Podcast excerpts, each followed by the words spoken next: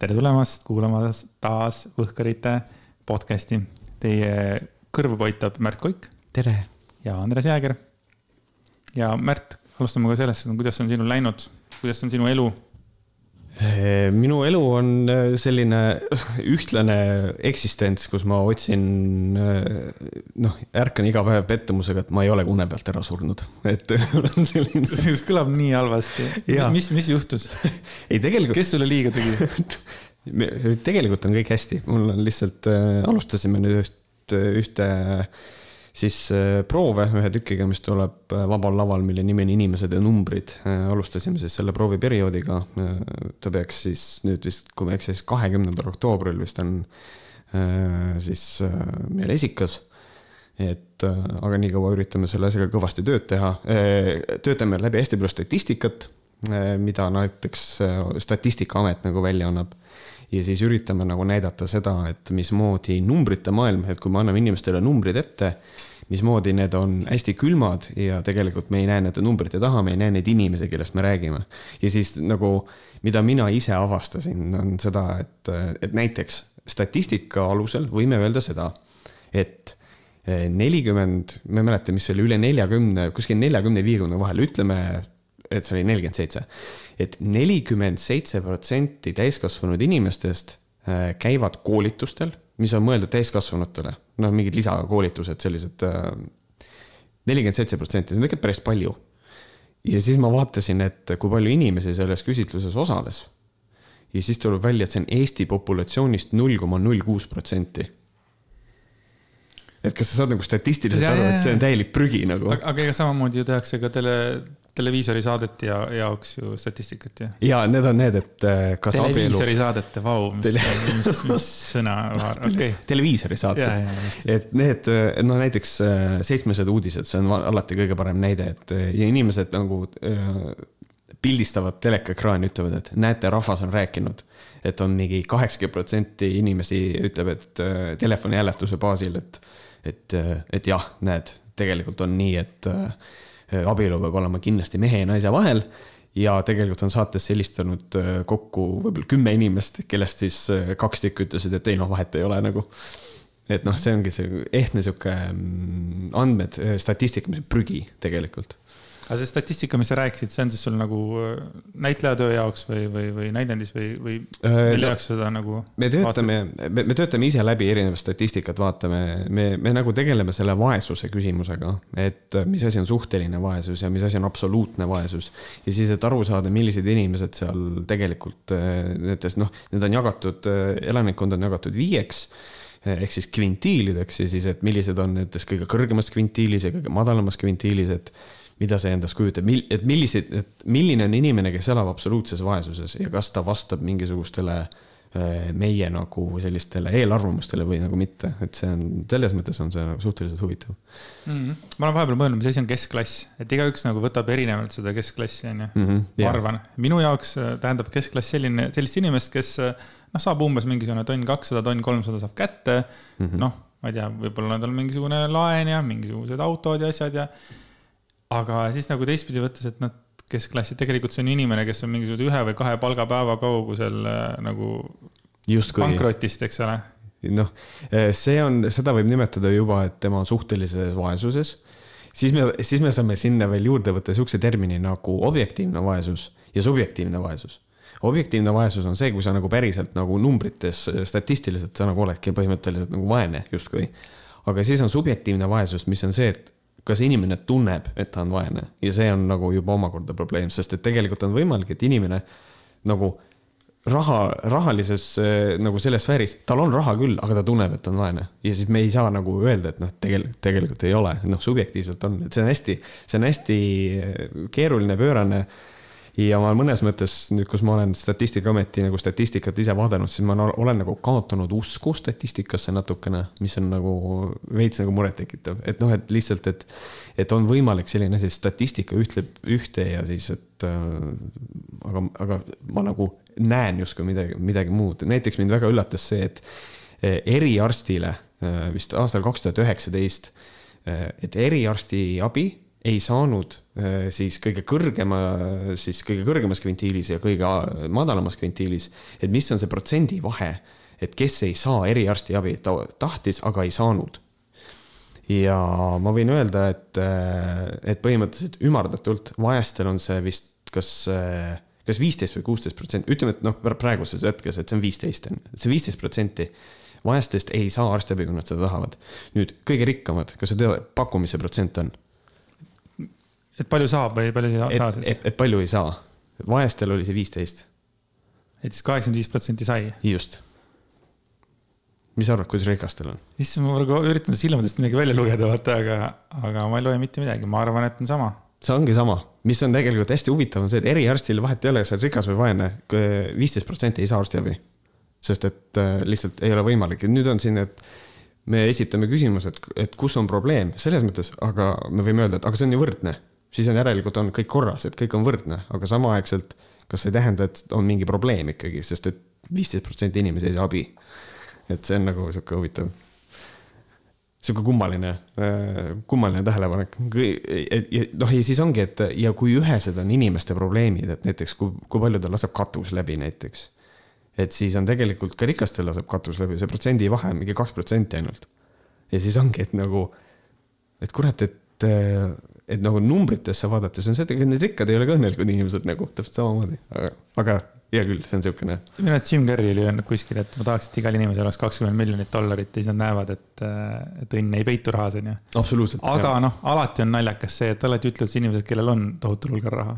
jaa, ikka. et see on selline teistpidi. et noh, seal on mingisugune sihuke nagu shift nagu tekib, et noh, tegelikult eh, mina olen täiesti veendunud selles, et et vahet ei ole, palju sul raha on, sul on ikka probleeme. sul on võib-olla probleemid teistsugused, aga ma arvan, et mm, sa oled sama murelik, kui sa olid, ma ei tea siis, kui sa olid suhtelises vaesuses, kui sa oled mingi megarikas, ma arvan, et sul on ikkagi probleeme sama palju. lihtsalt need on teistsugused võib-olla mm. -hmm. mis sa arvad, kui palju inimesi on äh, kannatanud protsentuaalselt koolikiusamise all?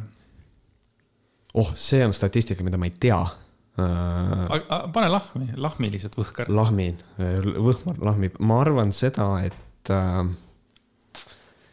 Jeesus Kristus, ma ei julgegi. Äh, minu esimene, okei okay,, minu esimene tunne oli, et no vähemalt pooled.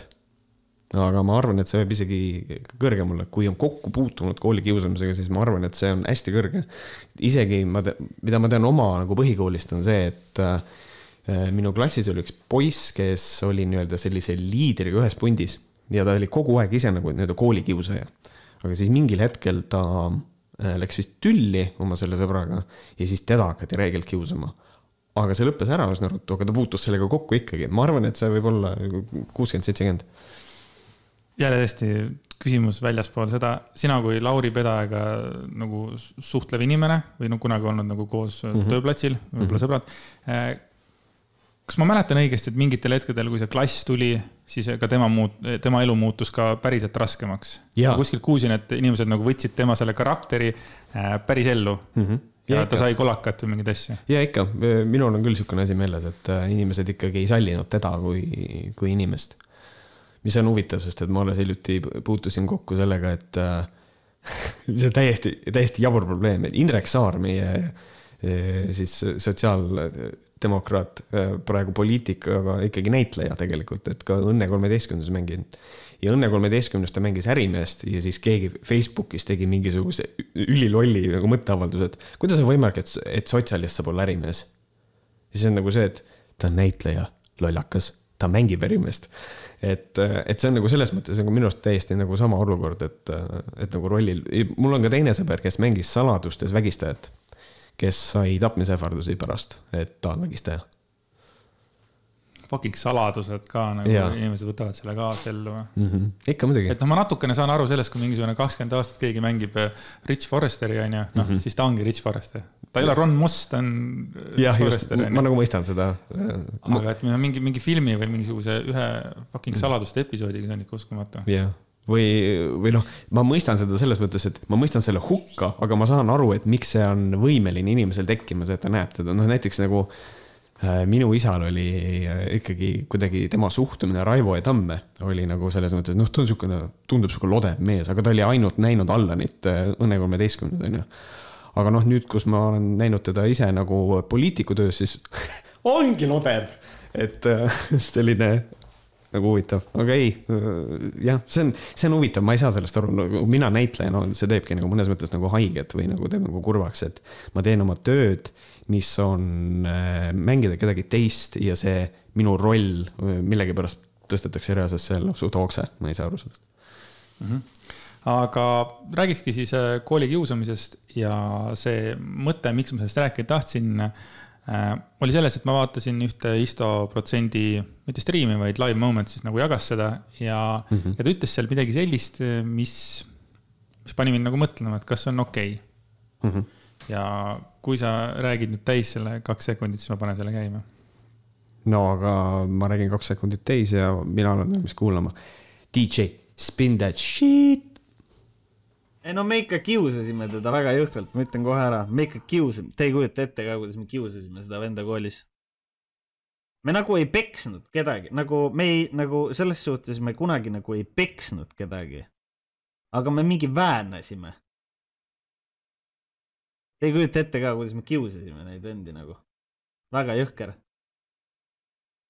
me nagu ei peksnud kunagi, me nagu ei läinud mingi kaklema, aga meil olid mingid omad takud me mingi andsime õlga ja siis oli mingi see, et võtsime mingi koolikotti ära, viskasime aknast välja ja mingi, siis mingi väänasime, vaata.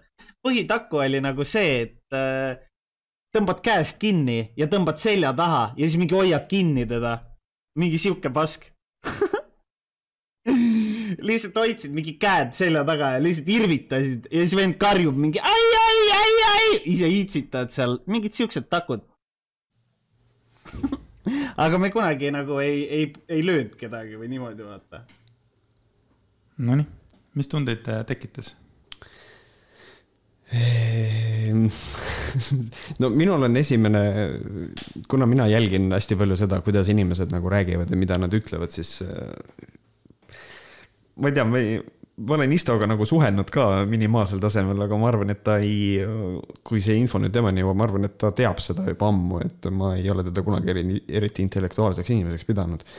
et, äh, et mind näiteks tohutult häirib kogu selle jutu juures see, et äh, ta kogu aeg räägib seda, et äh, me ei peksnud, me ei kakelnud, et me ei löönud nagu kunagi ta räägib nagu seda, et ta justkui annab nagu mõista, et noh, meil ei olnud nagu mingit füüsilist asja, aga siis ta ikkagi kirjeldab, et me väänasime.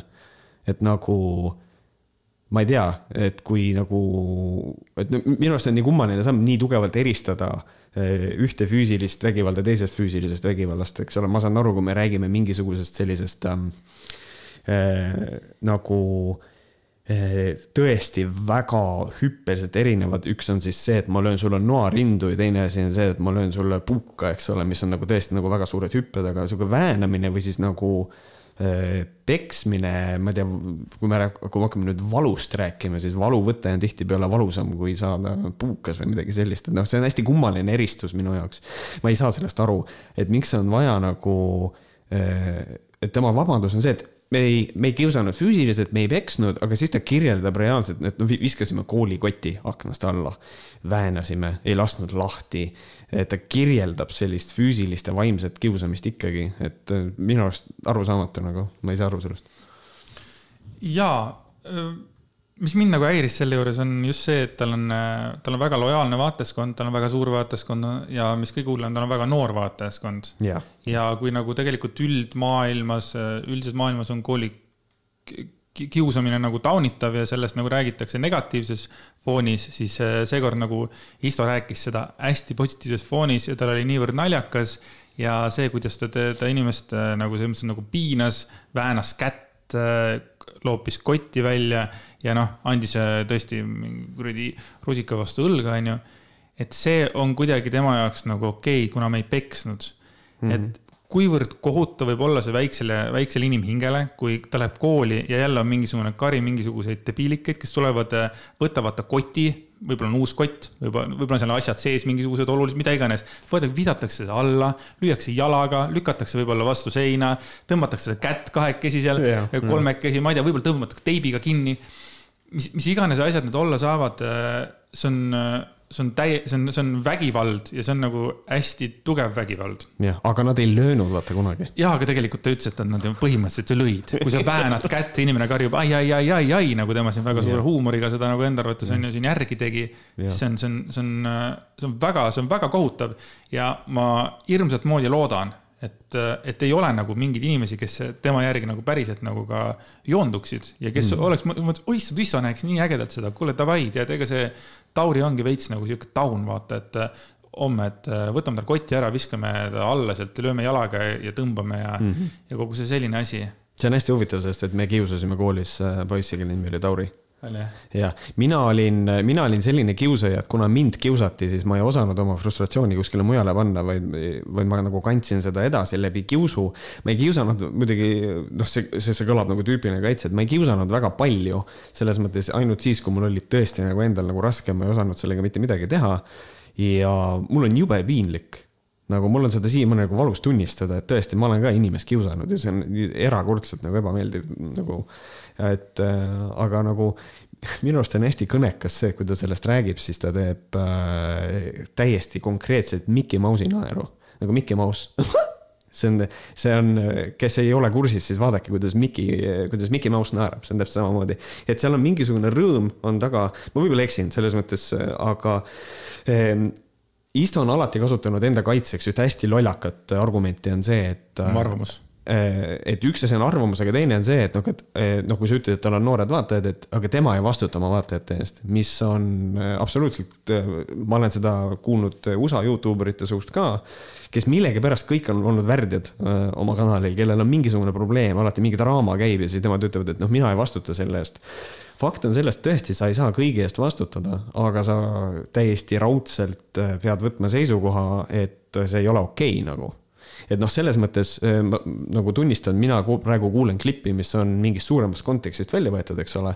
võib-olla ta räägib sellest, meil on alati võimalus kõiki asju nagu tervikuna muidugi järgi kuulata ja vaadata aga see on, äh, aga, aga jah, üldiselt see, et mina ei saa kontrollida, mida kõik teevad, see on nagu natukene vähemalt öelda, et kuulge, see ei ole okei okay., et ma oma viimases laivis ka.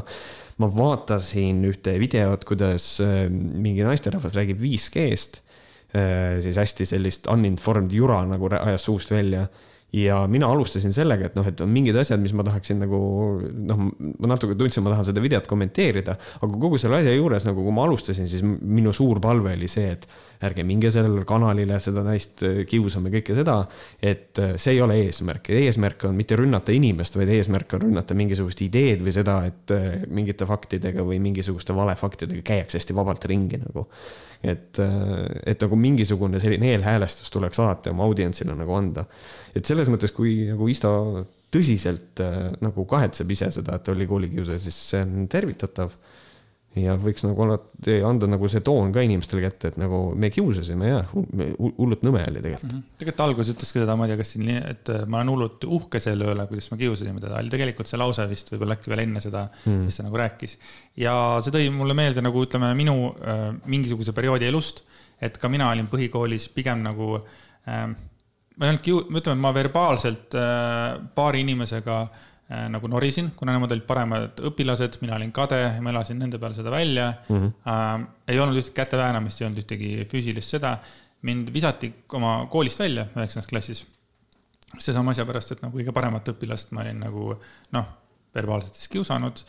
ja, ja mind võttis vastu ainult üks kool, äh, kuna mulle kirjutati hästi, hästi halb iseloomustus mm. -hmm et äh, noh, ma olin süüdi, ma olin käitunud halvasti, aga minuga muidugi õpetajad sellest ei rääkinud, vaid nagu kohe nagu visati välja ära, kuna klassi priimus ja nii edasi mm. -hmm. ja siis mind sattusin äh, poisteklassi ja see poisteklass oli selline, kus olid siis istuma jäänud äh, tüübid, paar aastat vanemad, aasta aega vanemad mm. -hmm. ja see oli niisugune noh, poisteklass, saad aru, mis tähendab yeah, poisteklass, see oligi yeah. sihuke nagu Päti poisteklass oli sinna.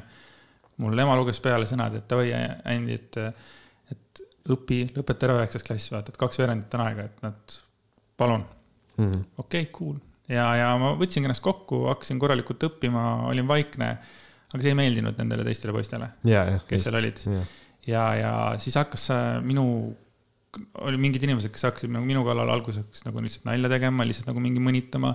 üks hetk oli see, et kui mäletan, kui ma läksin, ma läksin nagu siis koolipäev sai läbi, ma läksin alla nagu võtsin, tahtsin oma jope võtta, onju.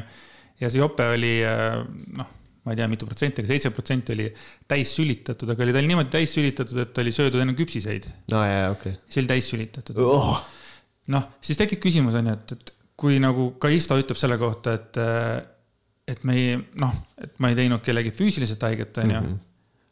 aga minu arvates see oli nagu väga räige koolikiusamine, mis jättis mulle hästi tugeva nagu armi tollel hetkel. jah yeah,, just Äh, ja siis ma hakkasin nagu automaatselt iga kord nagu hakkasin kartma, et kui ma lähen alla, ma võtan oma jope, võtan, et mis sellega tehtud on, on ju. ja, ja just.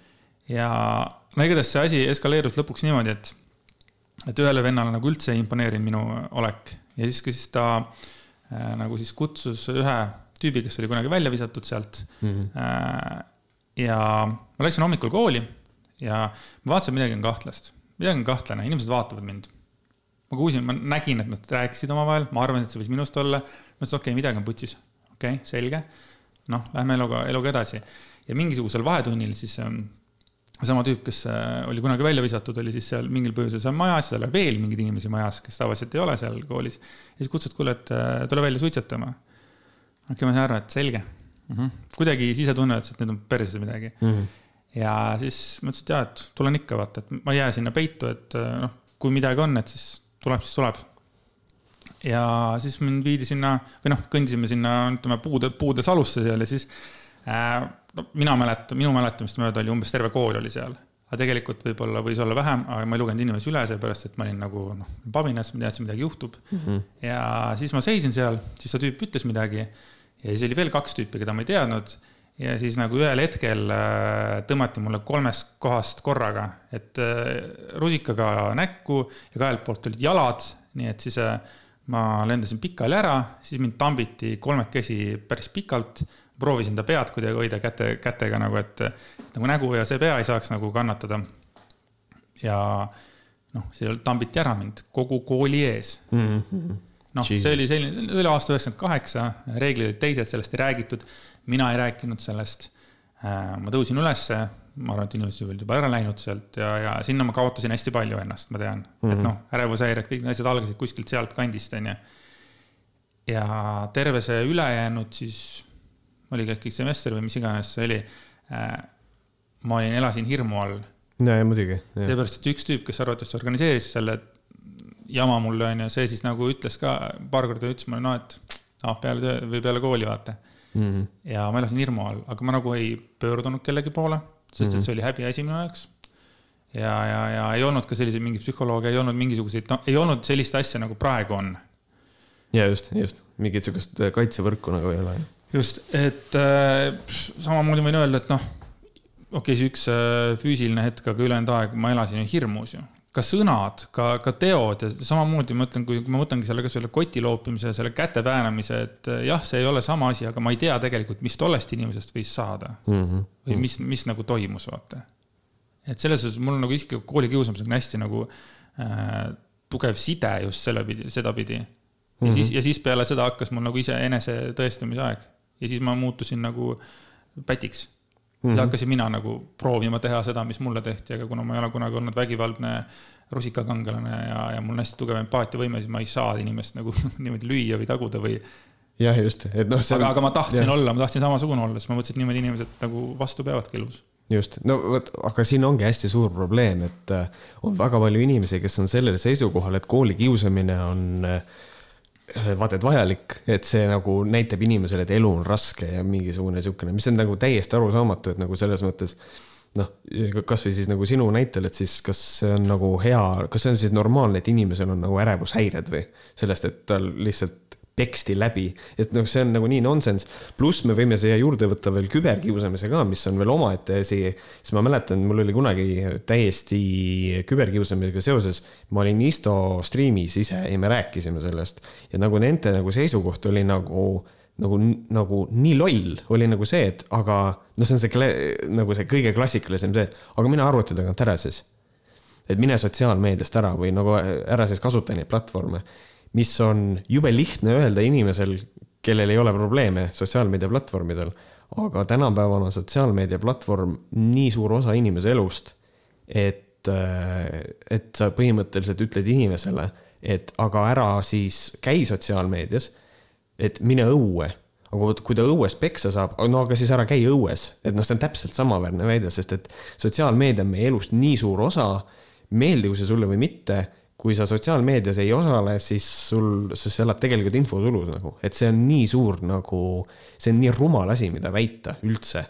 et noh, et ma ei tea, ära siis mine internetti, pluss ma tean meil oli koolis oli ka mingisugune, kui ma olin noor, ma mäletan, siis oli veel MSN Messenger, kes mäletab, palju õnne. siis äh, keegi sai, kedagi kiusati MSN-is, talle kirjutati igasuguseid asju ja, ja siis ta põhimõtteliselt, tal, tal oli esitatud ultimaatum täiesti minu teada, et, et ta peab vastama. sest et kui ta ei vasta, siis ta saab koolis peksa. nii et tegelikult see näitab seda, et inimest saab ka sundida, et ma kavatsen sind õhtul küberkiusata, kui sind on, kui sind ei ole nagu õhtul, ma ei tea, Messengeris näiteks, siis sa saad homme peksa. et noh, kõik need asjad on ka ju tehtavad nagu, et see on nii jabur, on nagu üldse nagu kiusamisest kuidagi nagu, nagu niimoodi ülendaval toonil rääkida. pluss on see, et inimesed arvavad, et oo, et see eh, sõnad ei tee inimesele haiget, mis on nagu täielik nonsense nagu sellepärast, et kui sa praegu näiteks inimesena kuulad seda eh, podcast'i ja ärritud meie peale, siis järelikult need sõnad mõjutavad ju sind emotsionaalsel tasemel, miks nad siis ei või nagu väga nagu viga teha. et noh, see on jabur. jah, see, see ongi niimoodi, et noh, oleneb, kus sa oled, et kui sa oled nagu sotsiaalmeedia platvormil, sa oledki see kuningas, vaata. Näiteks praegu, või kuskil iganes, tõesti, sa ei saagi seda ja sind ei kotigi, siis sa saadad oma mehed peale ja mis iganes, vaata umbes.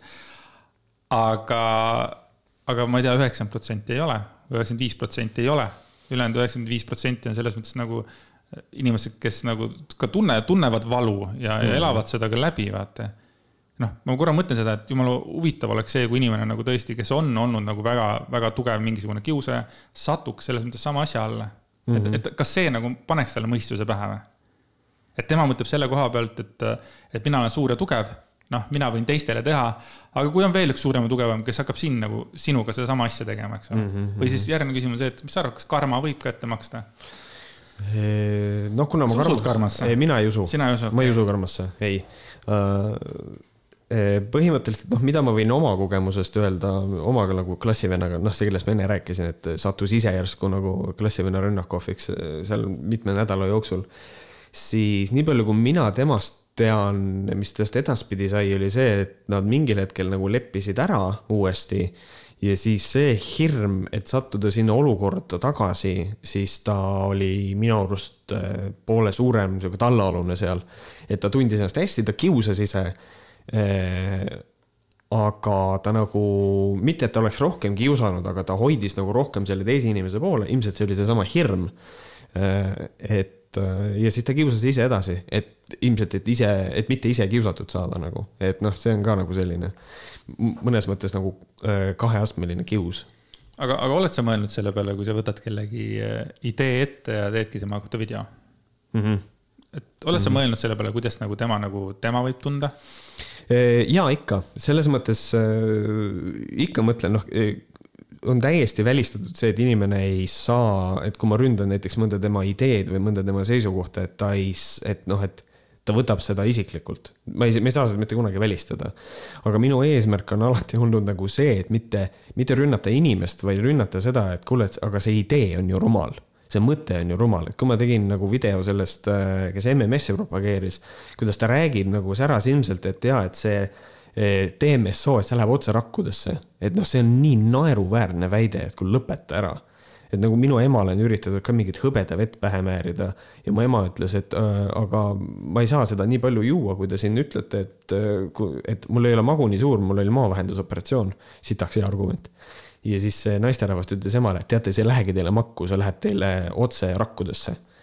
nüüd, kui ma oleks ise olnud sealsamas laua taga siis absoluutselt ma oleks sellel naisel näo täis sõimanud. aga selle, selle baas ei oleks mitte see, et ma tahan teda kiusata, ma tahan, et tal oleks ebamugav, vaid see on puhas ideerünne. mulle väga meeldis see, kui sa seda mulle kunagi ütlesid ka, et, et, et see, kui ründad nagu ideed, mitte inimest mm. -hmm et see on nagu teistmoodi ja ma, ma, ma sain kohe selles mõttes väikse kooli, ma distantseerisin ennast ühest, hetkest. Äh, kui sa käisid äh, ühes teises podcast'is, käisid külas mm -hmm. ja Äh, siis hakati rihvima suhte podcast'ide üle mm. -hmm. ja võib-olla mingitel teistel hetkedel, kuna noh, mainiti korra intiimset eraelust podcast'i ja siis peale seda hakkas see nagu nali pihta. saad aru, mingil teisel hetkel ma oleks võinud korra mõelda, et ahaa, aga mul tuli kohe see sinu lause meelde, oota ka praegu ei võeta nagu seda nagu podcast'i, vaid nagu naerdakse või, või arutatakse selle teema üle, rihvitakse selle teema üle, et noh, suhte podcast kui selline, kuidas Just, nagu, mis nagu ja. nendele vaata ei meeldi.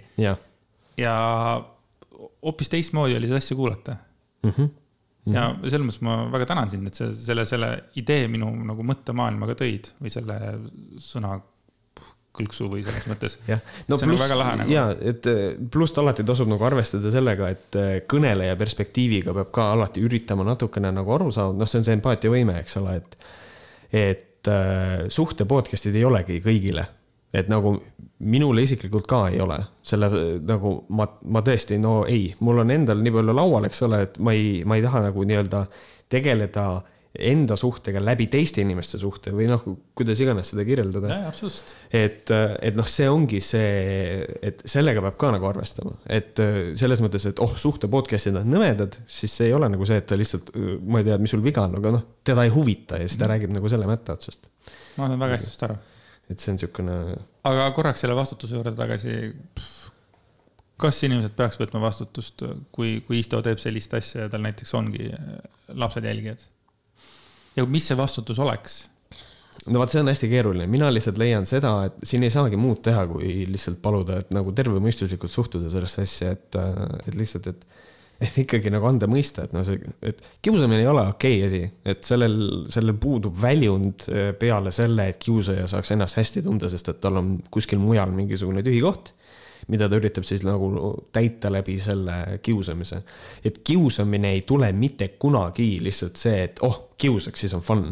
et nagu see tuleb äh, ikkagi kuskilt, mina tean oma, äh, see, kes meie klassis oli kõige suurem kiusaja.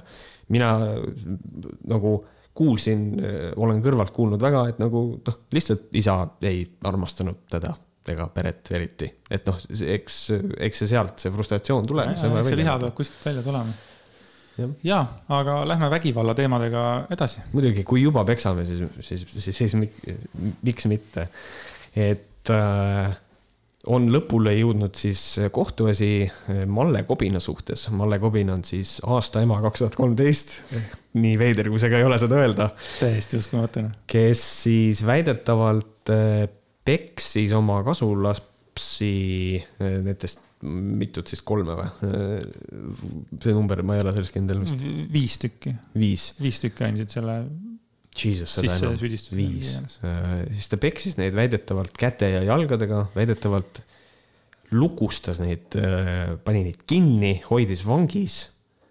mis on kuritegu no peksmisest sellest ei maksa üldse rääkida ja siis, ähm, mis see veel oli, ah, ta sundis neid ühe koha peal seisma ma kordan seda. kaksteist tundi vist. ma kordan, aasta ema, kaks tuhat kolmteist. ja, ja siis äh, kui ma nüüd ei eksi, siis prokuratuur nõudis äh, vist maksimaalset võimalikku karistust, mis oli neli pool aastat.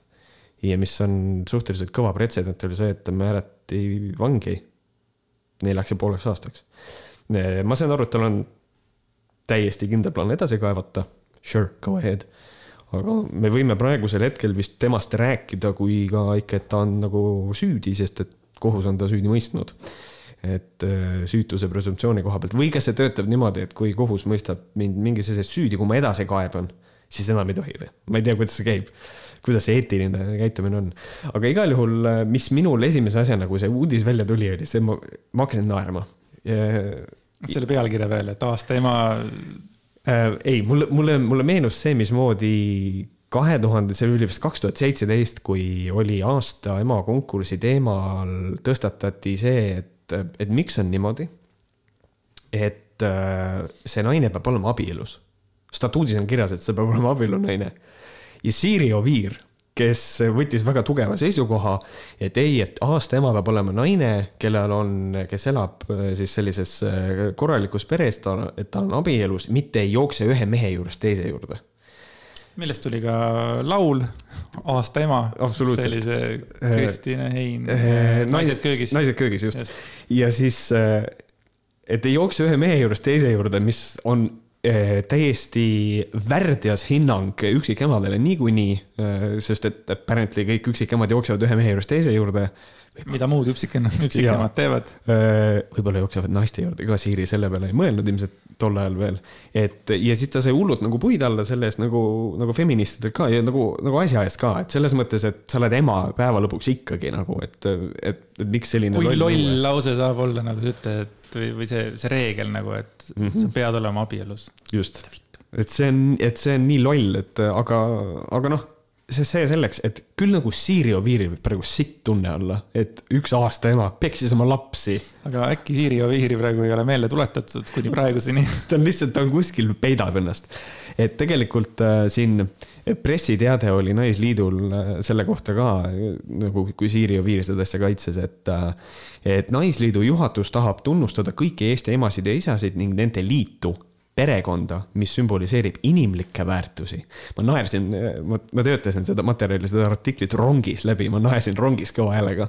sest et äh, inimlikud, inimlikud väärtused nagu näiteks oma laste peksmine ja kinnipanemine ühe koha peal, sunnid neid seisma ühe koha peal. et, äh, et nagu selles valguses on see nii vastikult jabur lihtsalt. mulle kohutavalt meeldis, mida Malle Kobin oli vist see nimi mm, -hmm. ütles äh, Kuuuurija saates, et noh, tema nagu see point, et, et ei, ma ei saanud neid panna ju alla keldrisse kinni. mul on seal moosid, nad oleks moosid katki löönud jalaga. see on nii sitt argument. see oli, see oli täiesti uskumatu, et äh, tegelikult ka sa nagu ütled niimoodi. ja mis oli minu arust hästi alatult tehtud, ma korra võtan selle Kuuuurija mm, nagu, nagu enam, päris paljud Katrin Lusti äh, nagu need saatekesed on üles ehitatud nagu ühe poole poolt ainult, et ainult antakse ühele poolele ja. sõna ja, ja nagu sealt ainult ühe poole pealt ja kui, kui kurvalt seda asja on tehtud. see oli niisugune koht, et äh, me andsime ka sellele mingi prokuratuur, prokuratuurile sõna, aga nemad otsustasid nagu mitte nagu tulla kaamerate ette, mis nagu kohe automaatselt nagu paneks nagu kõik inimesed mõtlema, ahaa yeah., laigust tõprad ei tulnud aga samas ta ütles mingi mõni lause ennem ütles seda, et me tahtsime seda lugu teha alguses veebruaris, aga Malle Kobin ei tahtnud tulla kaamerate ette. muidugi ei tahtnud. aga kui veebruaris oleks tehtud, oleks ainult prokuratuuriga tehtud ja siis oleks ja. öeldud, et ja Malle Kobinil ei olnud midagi öelda, tema ei tulnud mm. kaamerat, siis oleks nagu teistpidi see keeratud. et ükskõik, kuidas sa ütled, vaata noh, mis pidi sa tahad nagu näidata seda asja. ja, ja kuivõrd äh, Malle Kobin nagu rääkis liiga ilusasti, et see tuletas mulle meelde äh, Venno Loosaare intervjuu Õhtusaates kus sa vaatad, sa vaatad silmadesse mm -hmm. ja see ei ole võimalik, et see inimene midagi halba teeb. iga kord, kui ma näen mõnda sellist inimest, kes on nii, nii ülihea ja, ja kuidagi nii siiras ja, ja see, see alati tekitab minus hästi suurt kahtlust ja see on praegu okay., ma olen kaks inimest, ma olengi näinud, Malle Kobin ja siis Venno Loosaar, kui nad rääkisid seda ülimalt, ülimalt siirsad inimesed, ma lihtsalt ei usu neid. ja et... liiga siirad, vaata yeah., kuskil on nagu mingi piir. Äh, Malle Kobin ja selles mõttes äh, ma, ma, ma vaatasin tema repliike, ma vaatasin, lugesin seda Delfi artiklist, seda kokkuvõtet ja et siin on nagu üsna nagu naljakas on see, et noh, seesama argument, mis, et ma ei saanud neid keldrisse kinni panna, sest et seal olid moosid. minul tekib see küsimus äkki sa ei saanud neid lapsi panna luku taha sellepärast, et sa armastad lapsi ja sa ei pane neid luku taha? imearmas ju. et miks sa, miks sa selle asemel üritad enda kaitse, kaitseks tuua moosi nagu, hea tähelepanek. mul on nagu konkreetselt see, et aga äkki sa ei valeta, noh, et ma lihtsalt konkreetselt nagu see äh, kaitsevall ette võtta on lihtsalt, no see on dude, come on, mis asja noh. et äh, ja, ja siin teine asi ka, et mis ta näiteks ütles, ähm, et äh, kui kuskil ajalehes kirjutatakse, et mina valin teadlikult puudega lapsi, äh, et siis võimalikult palju raha saada, siis ma ei ole kunagi valinud mitte ühtegi kasulast, neid kõiki on mulle pakutud. Ja kui rääkida viimasest viiest, siis mind lausa pehmeks, siis mind on lausa pehmeks räägitud, et ma nad võtaksin. ja siis ma olen, oota nüüd sa tahad mulle väita, et on mingisugune müügimees, kes on müünud mingeid Cincino kohvimasinaid ja nüüd müüb kasulapsi või? et nagu keegi rääkis sulle augu pähe, et sa võtad viis last. sa annad sellega väga selge äh, nagu märgi sellest, et sa tegelikult ei tahtnud neid, aga võtsid. et nagu see argument reaalselt ei toeta sind, see räägib sinu vastu. sulle määriti lapsed pähe, keda sa ei tahtnud ja siis sa pidid, mis loob oluliselt täpselt nimelt sellise õhkkonna, et sa ei armasta neid ja võib-olla paned keldrisse kinni, kus on moosid. et see on nagu nii, ähm, et see on nagu nii kummaline. et eh, noh, pluss ta siis veel räägib sellest, et oh, küll nad olid kriminaalid ja küll neil olid mingid need asjad ja. ei, ei, ta ütles niimoodi, et kolm tükki neist olid väga rasked lapsed, üks ja. on praegu vangist, üks on eh, kool, kuskil pahade mm -hmm. laste koolis ja kolmas oli kuskil, aga kordagi ei mainitud nendest ülejäänud kahest, kes nendest viiest siis nagu mm -hmm. selle asja algatasid Nendest ei räägitud mitte ühtegi sõna. ja siis nüüd, ja nüüd siis mängiti ka ainult nende peale, et need kolm olid pahad. jah, sest nende kolme puhul sa saad nende karakterit rünnata. just, mis on nagu jälle väga mm, -hmm. väga inetu nipp kuidagi ja mis mind veel rohkem häiris, oli see, et oli toodud üks äh, kobina laps, kobini äh, laps oli toodud sinna, kes rääkis, et ei, ta oli väga hea ema, ta ei teinud minuga seda kunagi mitte. jah, ta ei teinudki sinuga. selles, see ongi see järgmine asi, et kui sa tead, tähendab, selles mõttes me ei saa öelda, et ta ei olnud kaks tuhat kolmteist aasta ema. ta võis olla kaks tuhat kolmteist aasta ema nagu päriselt ka, ta oligi ülimalt hea. aga, aga ajad muutuvad, inimesed muutuvad ja võib-olla rasked lapsed äh, tekitavadki äh, ka nagu selles üliheas emas lõpuks sellised tunded, et ma panengi su sinna äh, keldrisse kinni mm. -hmm, just, jah, see, see on jah, see on pluss, äh, kui seda asja nagu edasi lugeda, siis et äh, Kobin annab hästi tugevalt äh, seda hinnangut või mitte, hinnangut, ta ütleb, et noh, ta on näinud väga ränka vaeva nende lastega. ehk siis ongi, ta ehitab ennast selliseks heaks inimeseks, kellele on tehtud liiga, et mina ei absoluutselt, Märt Kuik ei arva seda, et need lapsed olid tegelikult inglid, ei, ma ei usu seda. Aga see, okei okay,, ütlemegi jah, kriminaalid ja oligi raske. Ja pididki need mingeid trahve maksma ja ma saan sellest kõigest aru aga võib-olla nagu, et äh, how about, et sa ei peksa neid selle pärast. et nagu selles mõttes, et, äh, et nagu see ei ole ka okei okay. et see on minu arust nagu nii, äh, et see on nii kummaline, pluss ta toob välja selle, et eh, Kobin tõi välja, et poiss, kes tema kohta õõvastavaid ütlusi andis, on käinud tema bioloogi, on käinud tema bioloogiliste lastega kalapüügiretkel ja Kobina ja tema pojaga äh, Austrias.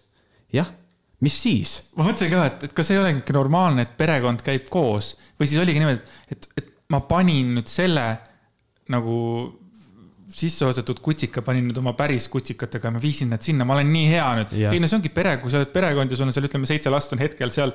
ma kujutasin, mina kujutasin ette automaatselt, et te käitegi koos Saaremaal ja lähetegi koos Horvaatiasse.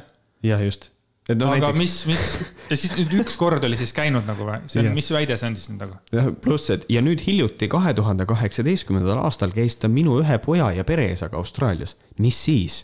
Sest et sind ei olnud seal, sa ei saanud peksta teda, vaata. et no ja, isegi kui ta käib sinuga koos, ülejäänud pere on kaasas, et nagu selles mõttes, kui sul on õed ja vennad või kasuõed ja kasuvennad, kui sa nendega nagu hästi läbi saad, siis miks sa nendega suhelda ei või? ma ei saa sellest aru. pluss kogu perekonna dünaamika, kus on vägivald, ongi hästi fucked up, sul ongi nagu see, et tegelikult on nagu head perekondlikud suhted mõnede inimestega, ühega ei ole, aga teistega sa, teistega sa suhtled ja sa oled nõus viibima ühes seltskonnas selle inimesega. For fuck's sake, mul on nagu, minu tutvusringkonnas on perekond, kus kohas äh, äh, mees peksis oma kasupoega, nad siiamaani käivad läbi ja saavad hästi läbi üksteisega, aga ta räigelt peksis teda, kui ta väike oli nagu. et see on nagu, et see on nagu nii nagu see, see kaitse, et aga ta käis mul, minu pojaga Austraalias. lahe nagu give me something of substance nagu mingisugune, et ähm, ma ei tea, et äh, siin on, siin on artiklis on nii palju asju, et äh, jällegi see ründab, et noh, et kui tuli laps, esimest kaks nädalat oli täiesti pätt ja lõhkus ja ropendas ja mm. -hmm, ja, aga räägin nüüd sellest oma peksmise asjast ikkagi ja siis on hästi ähm,, hästi kummaline asi, ma lugesin seda lõiku mingisugune kaheksa korda ja siis ma üritasin seda analüüsida. ma ootan huviga täitsa äh,. jah, samuti, no ehk siis Kobin, samuti lükkas ta ümber süüdistuse, et olevat ühte poissi Kubeme piirkonda löönud. ja nüüd on siis Kobina see väide kriminaaltoimikus on kirjas, et laps arvab, et ma teda meelega lüüa ei tahtnud no kuule, ma ei ole ju selles vanuses, et teismeliste poistega siin muru peal müran, et kogemata võin põlvega lüüa või müksata. nii. nagu loe uuesti, vaata, et mida nii. sa ajad nüüd ma, nüüd ma loen seda koos kommentaariga. kriminaaltoimikus on kirjas, et laps arvab, et ma teda meelega lüüa ei tahtnud, ehk siis laps annab selgelt mõista, et ta sai nagu, et teda löödi, aga see oli kogemata. ta selgelt ütleb, see oli kogemata ja siis mida teeb Kobin? selle asemel, et öelda, et jah, nii oli või juhtus võib-olla, ütleb ta. Ma ei, ma ei ole sellises vanuses, et teismeliste poistega siin muru peal müran, et kogemata võin põlvega lüüa.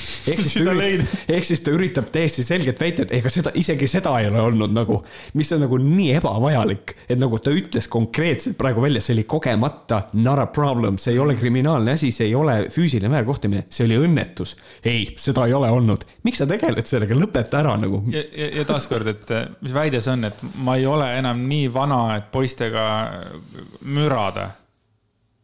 Kas me kunagi, kus see vanusepiir siis on, kas kuuskümmend on liiga vana, kas kuuskümmend enam ei tohi poistega või noh, lastega siis mürada? no oma, noh oma kas lastega. minu ema ei tohi mürada näiteks minu õepojaga, eks ole? kuigi ta on, minu ema on kuuskümmend viis Mhm. Kas tema enam ei tohi siis, kas ta ei ole enam selles vanuses või võib juhtuda või mis, mis jutt see on? ja see on hästi veider jah, noh pluss, et noh, siin see sõltub nagu laste vanusest ja kõigest, aga see on nii veider seda asja nagu ümber lükata, et see on, see on, et see on kummaline ja pluss nii ebavajalik. ja siis on siin see ka, et äh, Kobin tunnistas, et ei ole kõiki kriminaalasjaga seotud materjale läbi lugenud, sest et see ajas iiveldama. Sure, see on hästi hea emotsionaalne argument, mida teha, kui sa oled hästi loll inimene äh, või Katrin Lust siis sa loed seda nagu, nagu statement'i, mõtled, oh ei, ei, ma saan aru, noh, aga tegelikult nagu see ütleb inimese kohta reaalselt mitte midagi. ta ei ole tutvunud nende materjalidega või on ja annab oma hinnangu, et need on nii õudsed, et sest, et see on vale, vaata. ja siis ta kirjutab või ütleb sihukest asja, et reeglina kuulatakse alaealisi üle ühe korra, et neile ei tekitataks mitmekordset negatiivset kogemust Neid kahte poissi, keda korraga ära viidi, on kuulatud üle kolm korda. esimene protokoll on täiesti normaalne, ehk siis ta ikkagi luges läbi selle. täpselt nii, nagu meie pereelu oli, sure. järg, järgmine algab mõlemal sõnadega, ma eelmine kord ei rääkinud kõike ära. ja siis oli natuke utoopiat seal sees, sure ja kolmas protokoll, see oli juba alla igasugust arvestust, sest kriminaaluurijale ei sobinud need eelnevad protokollid, pressis juurde fuck you. see on täiesti normaalne praktika, et, et kui, kui mingi jutt ei klapi noortel omavahel, et kurat, et see ei, et see ei klapi, see tundub, et ta ei ole siiras, sellepärast et ei ole niimoodi, et politsei on toas ja suhtleb ja on kõik, ei kindlasti on seina peal kaamera, kindlasti seda jälgib inimene, kes nagu mingi psühhiaater jälgib seda asja, analüüsib, ütleb, see poiss valetab, ta hoiab midagi tagasi.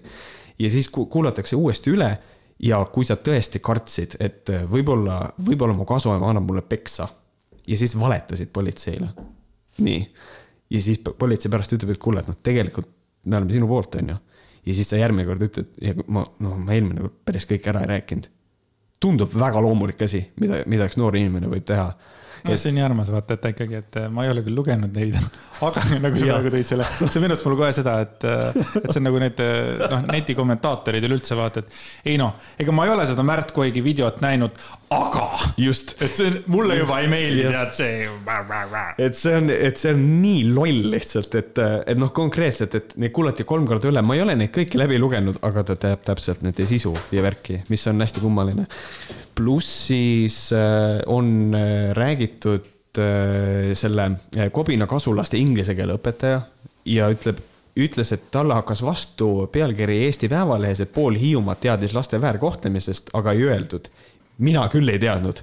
sel-, muidugi ja kui sina ei teadnud, siis on tegelikult ja, siis meil on, me peame kõik ümber mõtestama. mina ei teadnud. Hiiumaa suurim latotara ei teadnud siis või see on lihtsalt, see on nii okse. pluss, et siis ongi nagu välja toodud nagu seda, et mingid oma inimesed on kõik hästi šokeeritud, kuidas see võimalik oli, sest et ei näinud seda.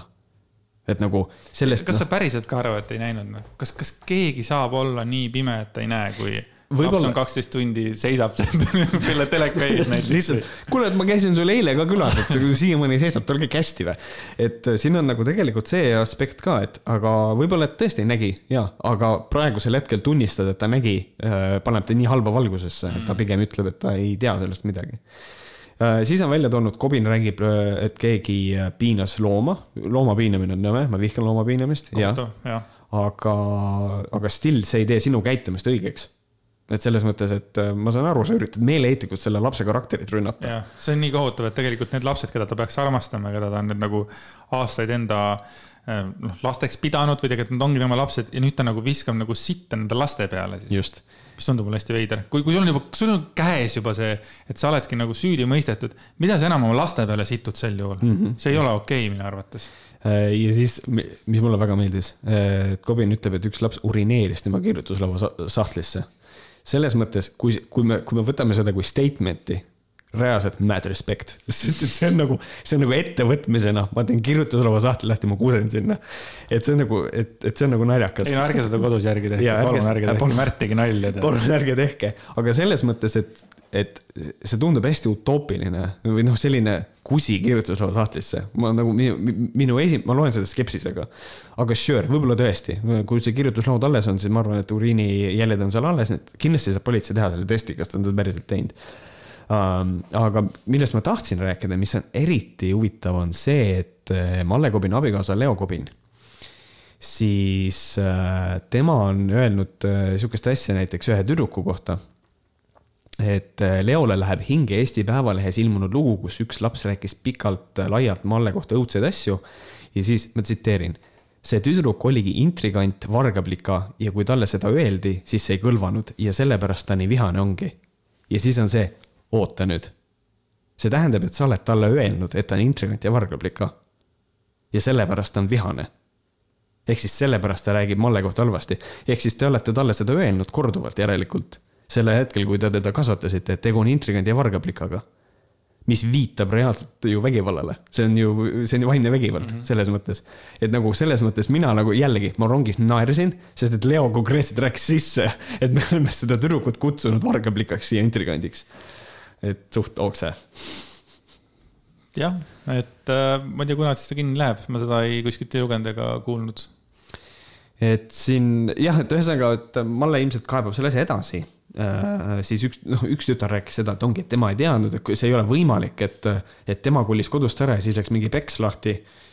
no asitõendid ütlevad, et just nii oligi või sa valetad et selles mõttes see on selline huvitav asi, et äh, mina ootan huviga, et mis järgmisest kohtuastmest saab. Ja kui ma ei eksi, kas seal oli äkki kakskümmend last oli tal elu jooksul siis läbi käinud äh, sealt äh, tema siis nagu, mis asi see on siis? kakskümmend last käib sinu, kuidas, kuidas on või-, tähendab, ühele lapsele on raske olla isa ja ema tegelikult, noh, ma ütlen, et nagu et raske, aga selles mõttes, et nagu, et, et neid kasvatada, eks ole, tuleb nagu tähelepanu anda ja armastust ja kõike muud asju mm. -hmm mis asi sul see oli siis nagu seal või mis asi seal tal siis oli nagu mingi farm või? Nagu neid lapsi, tuleb meelde see Tujuriku sketš, vaata, kus need, kus need lapsed, et ja, ja ma mäletan seda, see oli päris tore. see kuidagi nagu tõesti ei ole päris et noh, see on nojah, eks siis ja selle taga siis kahe tuhande kolmeteistkümnendal aastal nähti nii suurt tööd, et tal on nii palju lapsi läbi käinud, et siis äh, sai aasta ema. selle eest antigi lihtsalt, et lapsed läbi käivad või? Äh, noh, selle eest, et ta armastab neid nii palju. Et ta armastab neid lapsi nii palju ja et ta nagu tahab olla see kasuema ja kõike seda. kuigi tal on need viis last pähe määriti, kes tal olid. ma ei tea, see kõik on nii jabur, ma loodan, et Eesti Naisliit nagu sügavalt istub maha ja läheb laiali võib-olla, et see on nagu, see on nagu veits piinlik mm et äh, või noh, ma ei tea, aga noh, kuulge, vähemalt üks positiivne asi, kui see läbi rääkida äh, Eesti Naisliiduga, siis vähemalt oli Malle Kobin abielus. Ja ma arvan, et see ongi tegelikult kõige olulisem. just. Ähm, me jätkame vägi, vägivallaga võib-olla niimoodi, võib-olla veidi väiksemalt, äh, noh, lühemalt, aga siin paar nädalat tagasi oli tekkinud Eestile kõige Äh, Eesti vaenlane, kõige hirmsam mees, kõige suurem kurjategija ja tema nimi oli ja on siiamaani Toomas Vannas. ja mida tegi Toomas Vannas? Toomas Vannas äh, tappis Hiiumaal, taaskord, me rääkisime mm -hmm. Hiiumaast just. jah, jah.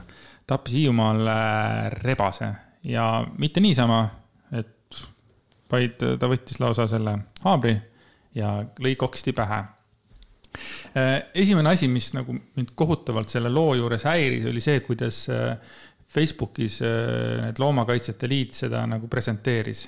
oli vist Loomakaitsjate Liit? Sorry, kui ma eksin. pandi mingisuguste väikeste rebasekutsikate pilt, hästi armsad, nagu natuke nurka aetud ja siis pandi verine haamer sinna nagu pildina juurde, et pilt on ilus, illustratiivne, onju, aga nagu automaatselt inimesed kohe kujutasid ette, kuidas väike rebase kutsikas on nurgas mm -hmm. ja okay. talle löödi äh, sellega pähe ja kõik oli verd täis, onju mm. -hmm.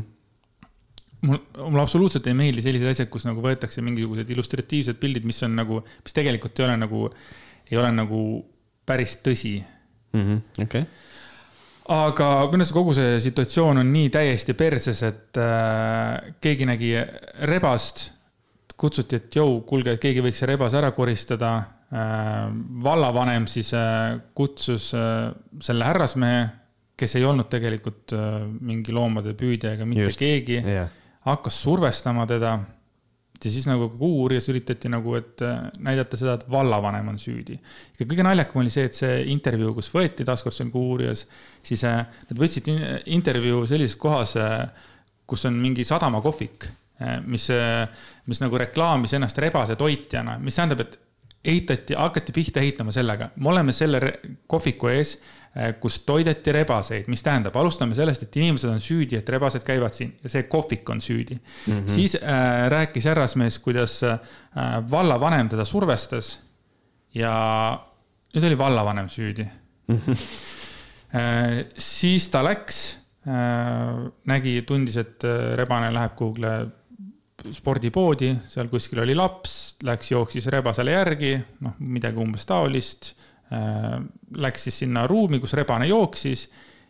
ja, ja siis oli niimoodi, et rebane nagu tegi rünn-, noh, ta ei rünnanud, aga ta nagu oli veits äksi täis, onju mm. -hmm, aga ta ei teinud nagu ründavat äh, liigutust ega midagi. ja siis härrasmees võttis esimese ettejuhtuva asja, aga ta ütles saates päris hästi. haarasin esimese jutt, juht, ettejuhtuva asja ma ei ütleks, et esimese ettejuhtuva. pliiats, oota, oota. pliiatsiga ma poleks läinud teda tapma, eks. aga, aga kuula seda lauset, kuula korra uuesti.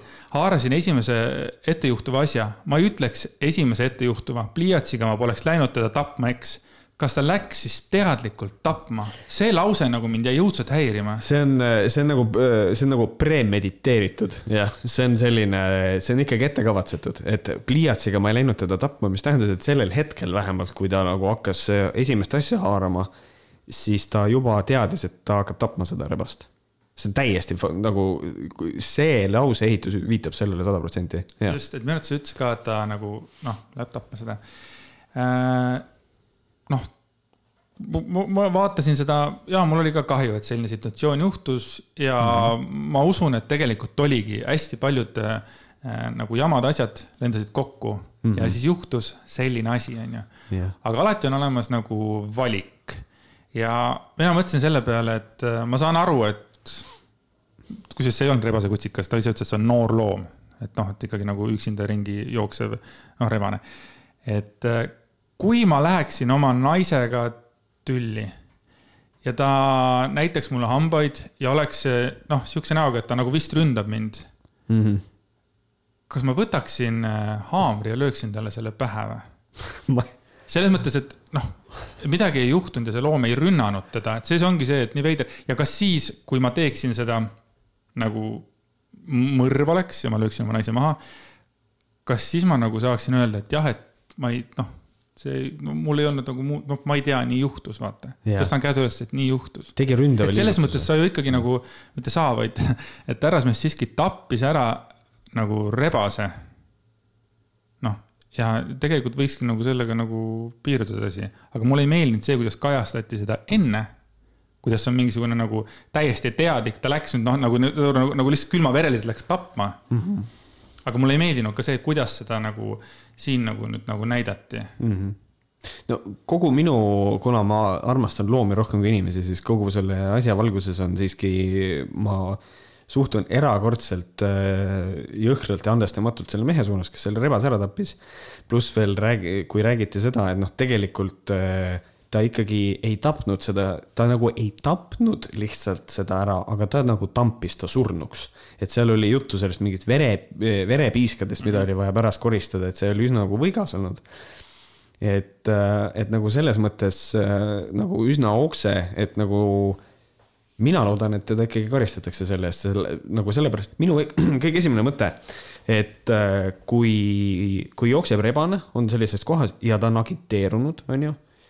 Hästi palju, hästi paljudes olukordades saab seda küsimust tõstatada, äkki ootaks mingi spetsialisti ära et äkki nagu helistaks kuskile, et tuleb mingi inimene, kes nagu oskab käituda sellises olukorras, mitte mingisugune haamriga taun.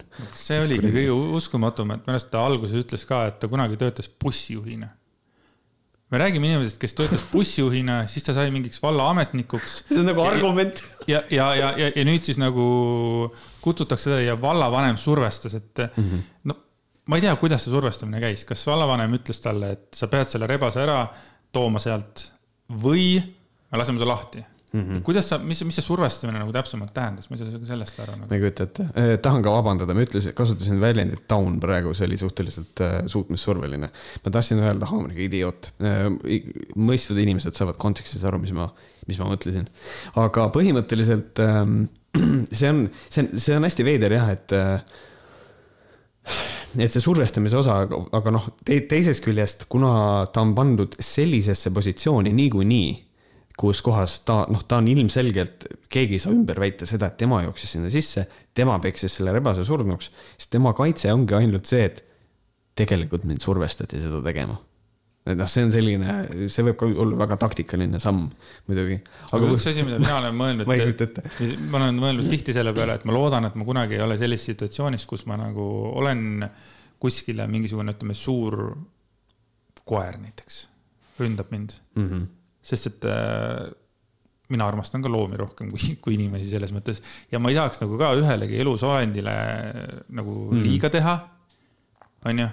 aga minu arust see ongi fakt see, et see loom ei rünnanud teda see mind nagu, no see ongi nagu kõige suurem, minu, minu jaoks see ongi nagu kõige suurem nagu häire, et see loom ei rünna teda, et kui loom ründab mm. ja sa tunned päriselt ohtu oma elule, eks ole.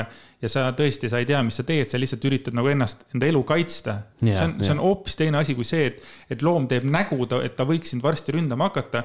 aa, okei okay,, ta hakkab mind ründama, ma lähen nüüd uksest välja ma lähen panen ukse kinni, ma helistan loo mingitele asjadele, lasevad selle kasvõi selle uinutiga, vaata yeah.. no läheb kasvõi magama ja siis viiakse metsa, mida iganes, ma ei tea, kus sellega tegeletakse. sellega peab tegelema spetsialist, mitte Just. inimene, kes võtab esimese, ei, mitte esimese ettejuhtuva asja, sest pliiatsiga ta poleks äh, läinud teda tapma, eks. jah, just see on nii okse, ma ei tea.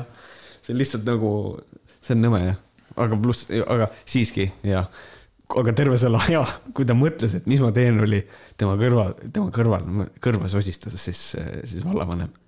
tee seda tapa see rebane. okei okay,, aga ma nüüd korra ikkagi küsin sinu käest jälle, aga mis sa arvad Küsi. Äh, sellest, äh, mis nagu ikkagi internetis hakkas äh, selle asja peale pihta?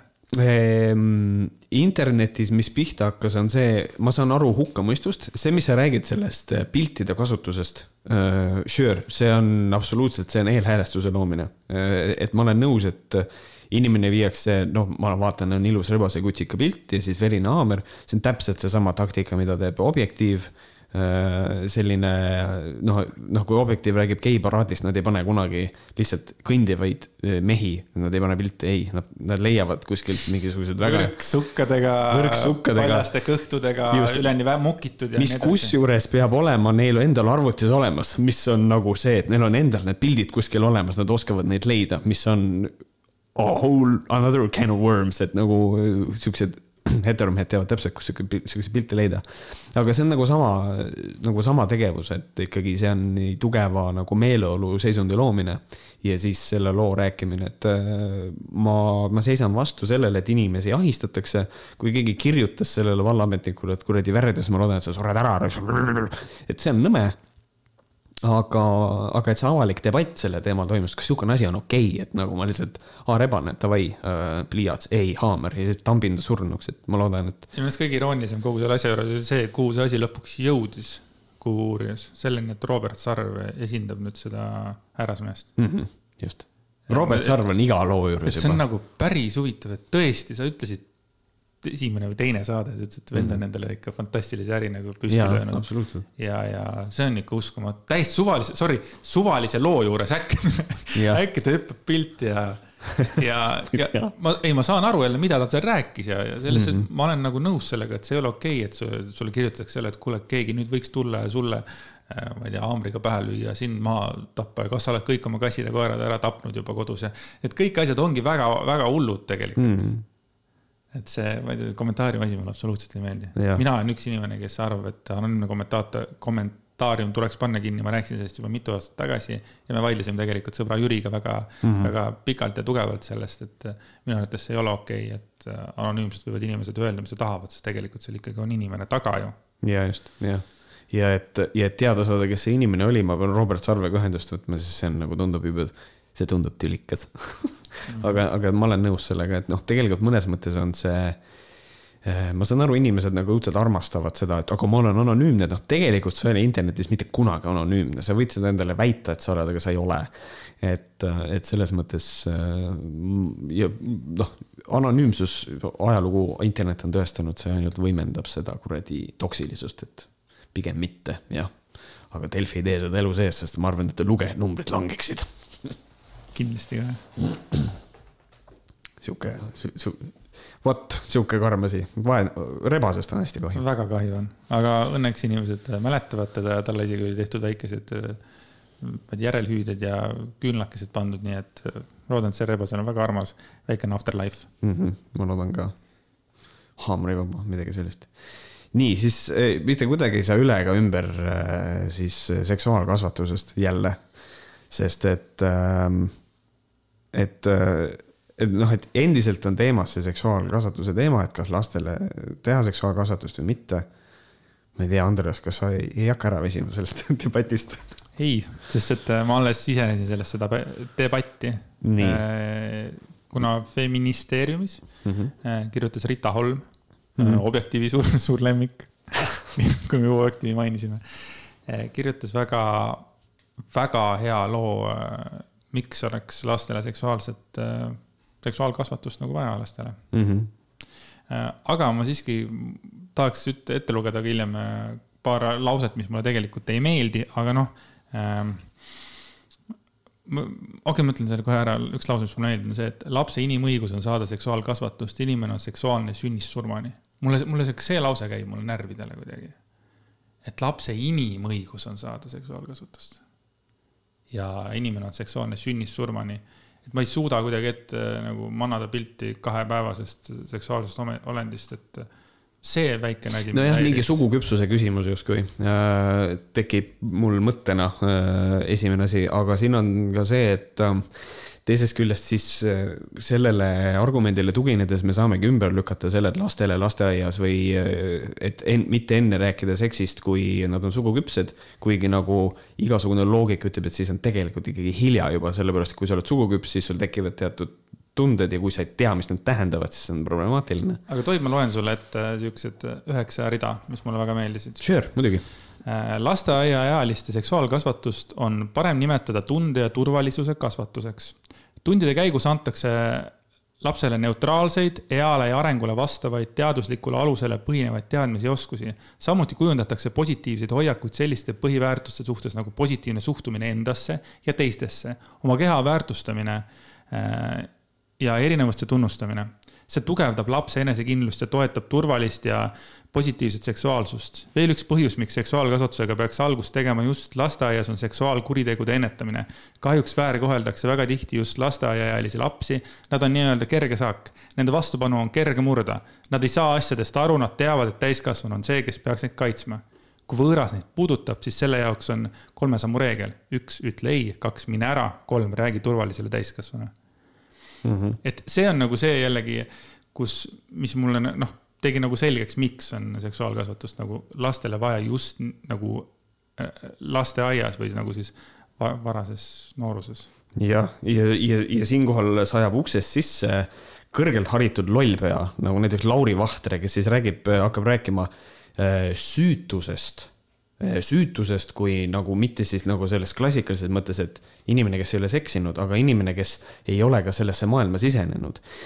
ehk siis inimene, kes ei tegele selle seksiga, et lastelt võetakse süütus ära, eh, siis lasteaias, Lauri Vahtre arvates, ja et, eh, ja et sellega röövitakse ära nende lapsepõlv. mis on asi, mis on noh, väitena huvitav see on hästi-hästi-hästi nõme ja vastik asi nagu et aga kui, kui see laps ei oska ennast kaitsta, ta on, ta on lasteaialaps ja keegi seksuaalselt kuritarvitab teda. kas see siis on, kas see on siis ta lapsepõlve osa või? või nagu what the fuck, Lauri. ja nagu selle baasil ma vaatasin, tegelikult ma tunnen ennast hästi halvasti, ma vaatan enne igat meie saatesalvestust, ma vaatan mingit objektiivi videot ja siis ma vihkan ennast pool päeva, sellepärast et miks ma seda teen. On üks on üks, issand jumal, mul, mul on, ma tunnen, mul tuleb ränd peale kohe. on see, kuidas Varro Vooglaid ja siis äh, Markus Järvi oli kuskil ära, ta ei saanud osaleda või oli haige või ma ei tea, mis tal viga oli ja siis Jaanus Voogelberg oli. kes näeb välja nagu huugaja. jah, ta näeb välja et äh, Jaanus Voogelberg istus stuudios, siis nad rääkisid seksuaalkasvatusest ja, ja, ja oli hästi tore kuulata põhimõtteliselt, kuidas kaks võhkarit istuvad ja räägivad. et nagu lihtsalt äh, Jaanus Voogelberg ühes kohas ütleb, ma ei tea, kui mina oleksin laps, siis ma tunnen, et see oleks küll minu psüühikat nagu tugevalt mõjutanud. issand, kui tore empiiriline analüüs äh,, Jaanus, et sa räägid endast, kui ma oleksin nii noorena teadnud. see on võimatu, mida sa nagu, you can't. ta on nii huvitav tüüp, sest äh, kaks tuhat viisteist oli feminist.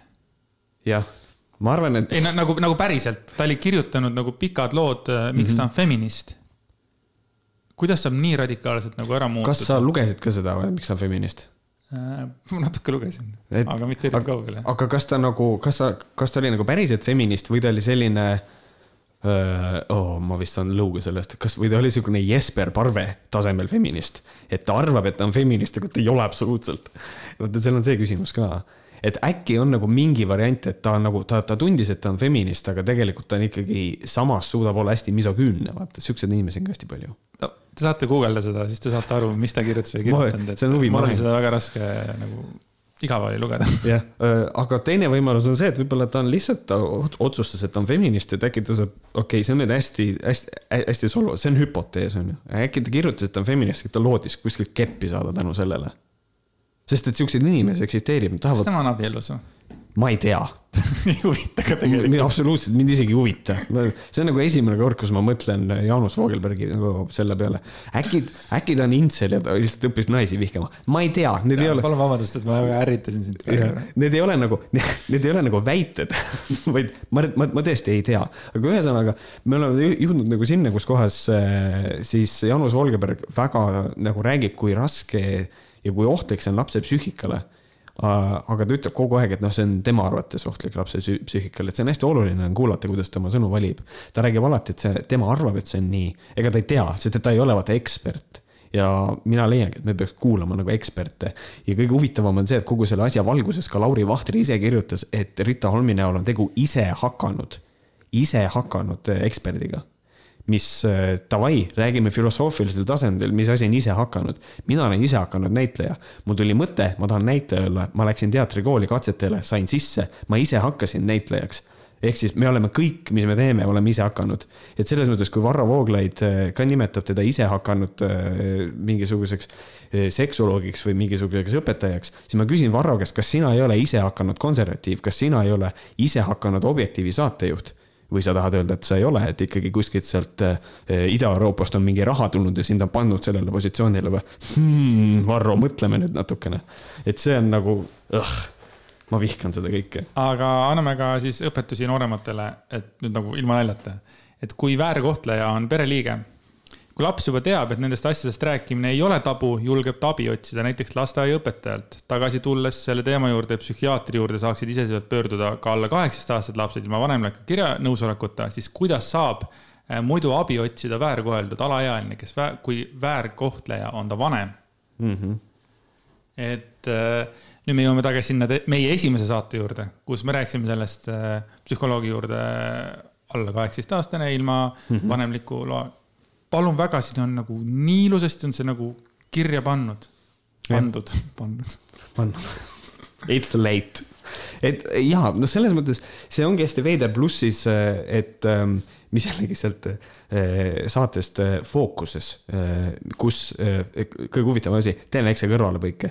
ühes Objektiivi saates siis Markus Järvi ja Varro Vooglaid rääkisid seda, et ERR kulutab raha selle peale, et võttemeeskonnad on liiga suured. et Varro Vooglaiuga tehti intervjuu ja nii palju inimesi oli, et oli valgustaja, oli valgustaja abi, oli helimees, miks seda vaja on, tehnika on nii arenenud, nii suuri meeskondi pole enam vaja. erakordselt võhiklik suhtumine Markus Järvi poolt, ma, ma reaalselt julgen öelda, et on selle koha pealt loll ja harimata inimene täiesti. et ta ei tea videoproduktsioonist mitte sittagi peale selle, mis ta oma stuudios teeb, tore, nagu tore, Markus, tore pluss mul oli väga irooniline vaadata seda videot, mis ma tänase selles kontekstis vaatasin, sest et Varro Vooglaid oli terve saate vältel fookusest väljas. keegi oli fookuse perse keeranud ja Varro konkreetselt ta ei ole fookuses, Jaanus oli. ja siis ma irvitasin tükk aega, sest et saate nimi on Fookuses täiesti ajuvaba. sa ikka oskad näha neid see on nii loll lihtsalt ja siis nad räägivad, äh, Jaanus Vogelberg äh, nagu absoluutne ignorantne inimene, nagu ta on, räägib, et, äh, et, et, et ma ei saa aru, mis jutt see on, et põhimõtteliselt, et antakse nagu teised tähendused, et ei öelda tuss, öeldakse näiteks liblikas. et, et laps ütleb, et, et keegi katsus liblikat, et kuidas on see nagu, et meil on ju väga lihtne, me küsime lapse käest, et näita näpuga, kus kohas sind katsuti issand, kui insightful, eh, välja arvatud siis, kui laps ei julge näidata. et nagu selles mõttes see ongi, kui tal puudub igasugune teadmine ja kogemus ja teda on hirmutatud, et kui sa kellelegi sellest räägid, siis, siis ma karistan sind või on see nagu pealtnägijas keegi ütles, et ma valan su ema happega üle, mis on nagu Jeesus Kristus, siis ta ei julge näidata kus kohas teda katsuti, et selles mõttes mul on nagu selgelt kuidagi selline tunne, et lihtsalt mingi konservatiivne klikk ei taha lastele seksuaalkasvatust, sest et õudselt tahaks lastega seksida, see keeratakse kuidagi persse neil.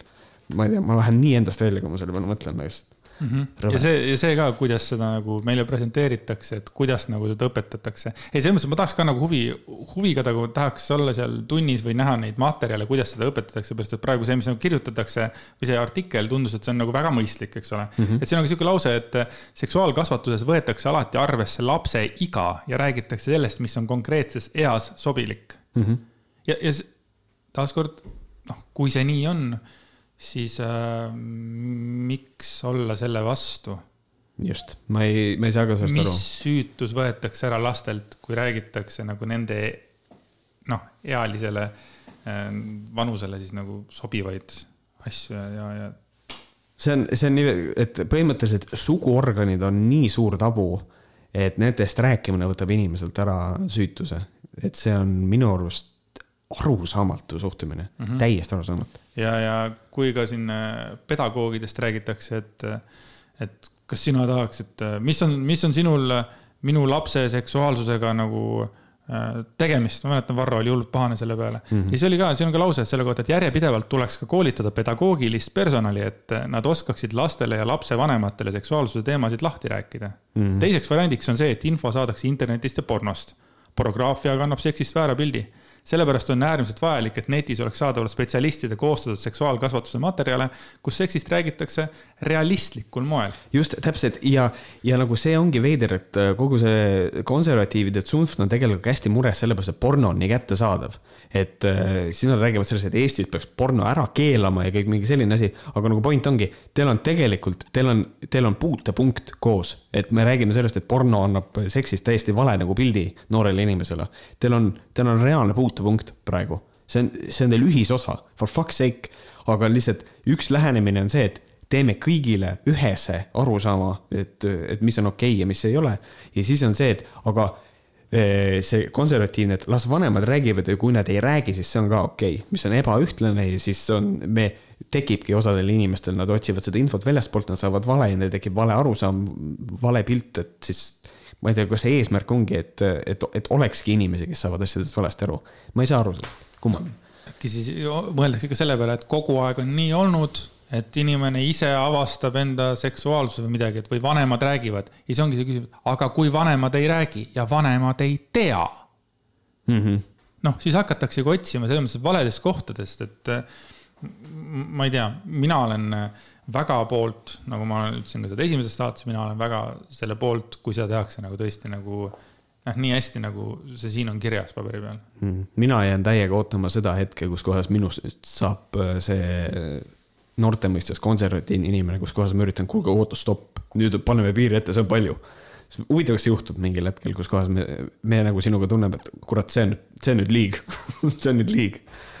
Aga jah, see ühisosa on nagu hea mõte, et, et, et äh, abordis vist seda, abordi nagu selles vaidluses seda vist ei leita või?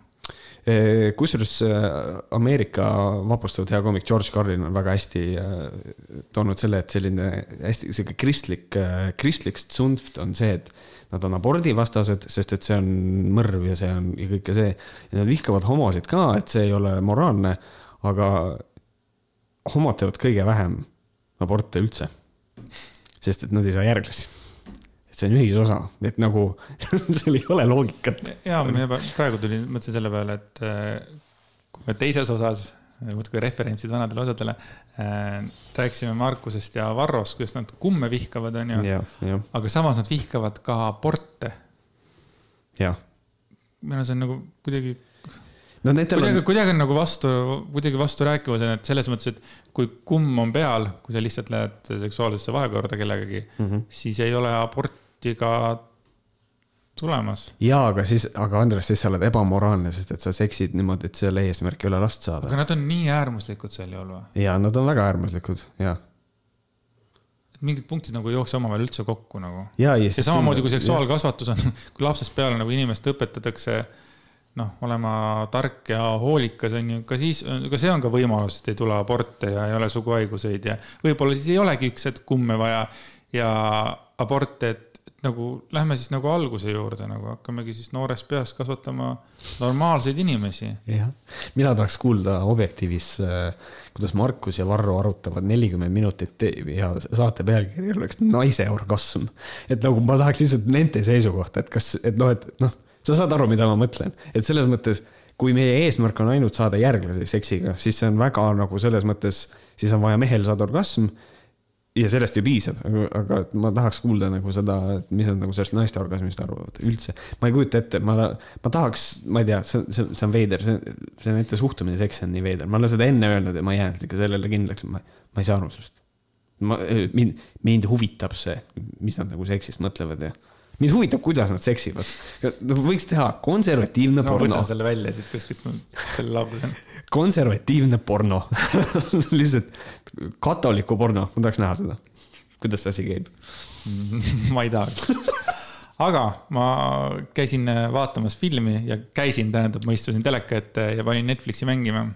-hmm. ja ma vaatasin sellist filmi Netflixist nagu Cuties. Cuties on siis äh, ingliskeelne pealkiri, prantsuse keeles on ta midagi muud, sest ta on prantsuse film mm. -hmm. ja väga lihtne põhjus, miks ma seda filmi vaatasin, sellepärast et see film haibiti nagu tagurpidiselt eh, nii kõvasti ülesse mm. -hmm. et kui mingisugune, kui on mingisugune film, mida üritatakse ära keelata, Netflixi üritatakse cancel dada mm -hmm. juba eos, et see on nagu eh, siis nagu pedofiiliale kutsuv või siis mingi pedofiilidele mõeldud äh, film.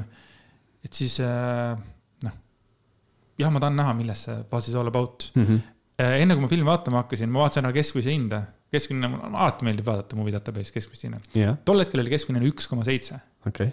ja, aga seal oli nagu näha, et ta oli kuskil mingi filmifestivalidel auhindu võitnud, mis tähendab mm, -hmm. see oli mhm. eriti controversial, vaata yeah,. Yeah. hakkasin vaatama ja ma olin ka Objektiivist lugenud seda artiklit, kus nagu ka räägiti, et see ongi pedofiilidele mõeldud film ja mm, -hmm.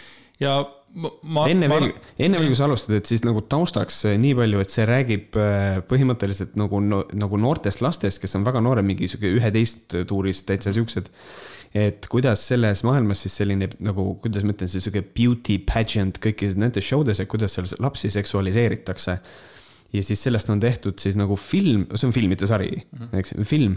ja see film on, äh, näitab hästi otseselt, äh, kuidas see maailm nagu töötab, olles siis ise nagu samasugune. ja siis sellele filmile heidetaksegi seda ette, et ta üritab nagu näidata või nagu hurjutada inimesi, et on nagu olemas selline põhimõtteliselt peaaegu pornograafiline nagu sisu äh, laste kohta, aga filmile heidetakse ette seda, et ta teeb sedasama ise.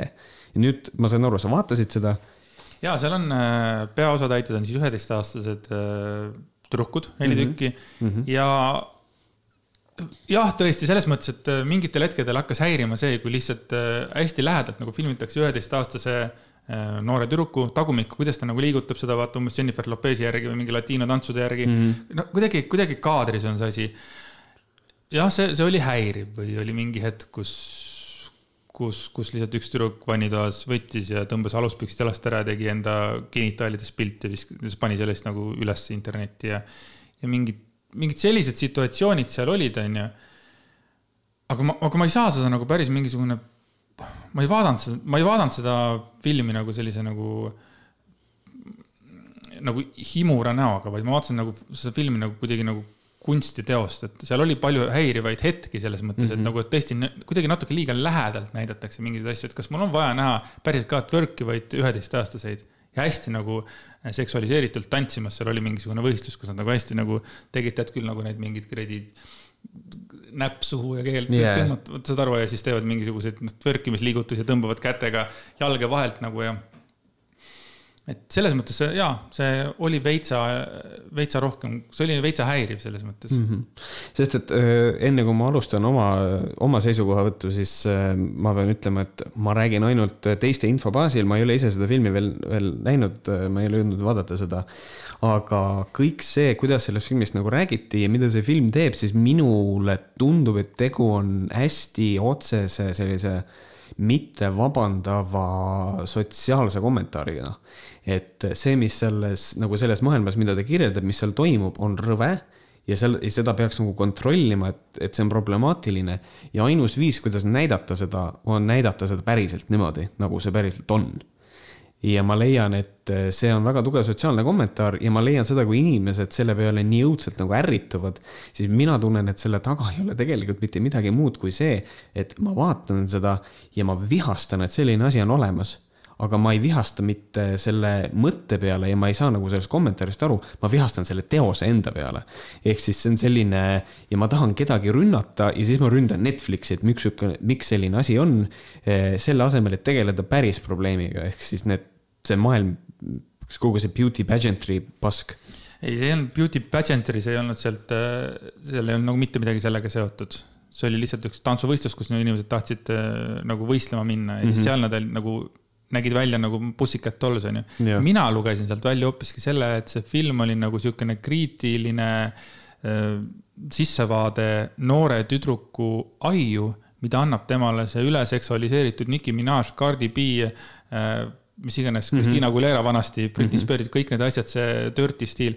et ja, ja nüüd tänapäeval on see, noh mis on see latiino muusika, kus nagu kogu aeg ainult kannid käivad ja räpparitel yeah, seal yeah.. et kuidas nad seda nagu idealiseerivad ja hakkavad juba üheteistaastaselt nagu selliseid mm asju tegema okay.. et mina nagu nägin hoopiski seda ja, ja ma olen selle peale tegelikult ammu mõelnud seda yeah., kuivõrd okay. ja seda ma rääkisin ka alguses tegelikult selle istoprotsendi teemaga täpselt samamoodi, et, et see on mingisugused eeskujud ja inimesed hakkavad nende järgi olema. ja yeah. praegu ongi niimoodi, et kui sul on Nicki Minaj on eeskuju ja kui sa vaatad Anaconda videot, eks ole, kus ta ainult oma kann käib, terve video, eks ole noh, aga väike laps näeb seda hoopis teistmoodi, tema võtab seda nagu eeskuju. ja minu arust see film nagu näitaski seda, noh, kuidas võetakse seda nagu eeskujuna mm. -hmm, et, et, et see on nagu, et see ei ole nagu päris okei okay,, vaata, mida nad teevad, võib-olla need muusikalised need inimesed mm. -hmm. ühesõnaga minu, nojah, siis minu see mõte nagu, nagu säilib äh, selles mõttes küll, et, et, et see on lihtsalt hästi otsene nagu sotsiaalkriitiline vaade sellesse no,. jah, sotsiaalkriitiline, väga hea nagu yeah. sõnavaar ja siin on, ja siin on taaskord, ma pean eh, meenutama eh, seda Kenderi lapsporno kirjutist täpselt samamoodi. et inimene loeb, eh, luges, kuidas Kender kirjutas nii-öelda lapspornot. see pani tema pähe mingisuguse ettekujutuse sellest asjast, mis tekitas talle ebamugavust ja siis ainukene inimene, keda rünnata oli, oli, oli Kender. Kender on süüdi et nagu see on mõnes mõttes nagu natukene nagu, nagu siia teisendatav probleem, et nagu selles mõttes, et eh, et võib-olla me ründame siis seda, võiks nagu rünnata või kriitiliselt vaadata nagu selle poole, et sellesse meedia tarbimisse, kuhu meedia nagu suundub, eks ole.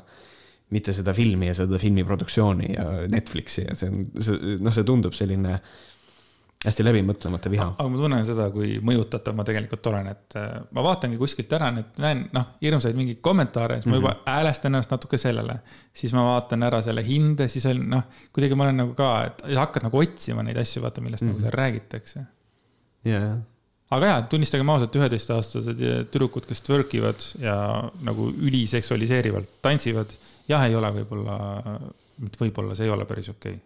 See ei olegi okei okay, jah, võib-olla küll. aga selles mõttes, et äh, Peeter Helme, et võib-olla tahad vaadata, võib-olla meeldib sulle, vaata. mis sa arvad, ta kuulab meie saadet või? kindlasti. kindlasti kes ei kuulaks. sest et me soovitame häid filme talle. kuule, aga kui me juba filmidest räägime, võib-olla hüppaks kohe siit ka nagu räägiks nagu filmist ära, et Tenetit oled näinud juba või? käisid vaatamas Tenetit? kaks päeva peale seda, kui ta tuli. okei okay,, cool, sest mina vaatasin ka seda hiljuti, käisin abikaasaga vaatamas. küsin kohe, kas sulle meeldis Tenet? Ma ootasin rohkem. otseselt rohkem? okei okay., mulle Tenet väga meeldis. minu, ma kuidagi, ma, ma olin üles haivitud, Ringvaates räägiti sellest, et noh, et see film on, seda peab mitu korda vaatama, see on nii keeruline. kõik ütlesid seda. ja, ja siis tegelikult ma vaatasin selle filmi ära ja siis mi- mina jõudsin väga täpselt, ma vist rääkisin oma live stream'il ka sellest, mis on, mis on, ma siiamaani leian, et see on õige. kui sa oled selline filmi, filmivaataja, kes istub maha, võtab, võtab omale nachod ette ja vaatab filmi, siis sa saad sellest aru ühe korraga. Kui sa oled see, kes vaatab telefoni, siis vahepeal vaatad, oh kurat, äkki on Instas mõni like või midagi, kui sa tegeled kõrvalise asjaga, loomulikult sa ei saa sellest filmist aru. aga täiesti ühe korra vaatad ära, sa saad täpselt aru, kuidas jooksevad need timeline'id seal, see ei ole üldse nii keeruline film. idee ise on äge, minu hästi küüniline äh, sõber, kes on õppinud režissööriks, talle see film ei meeldinud, aga kõik need etteheited, mis ta filmile tegi ma olen nendega nõus ja ma tean, et ta hindab seda filmide juures väga, ta noh, tema peamine probleem oli see, et karakteritel ei saa kaasa elada, sest et ühisosa ei ole, meil ei ole aega nagu karakteritega tutvuda.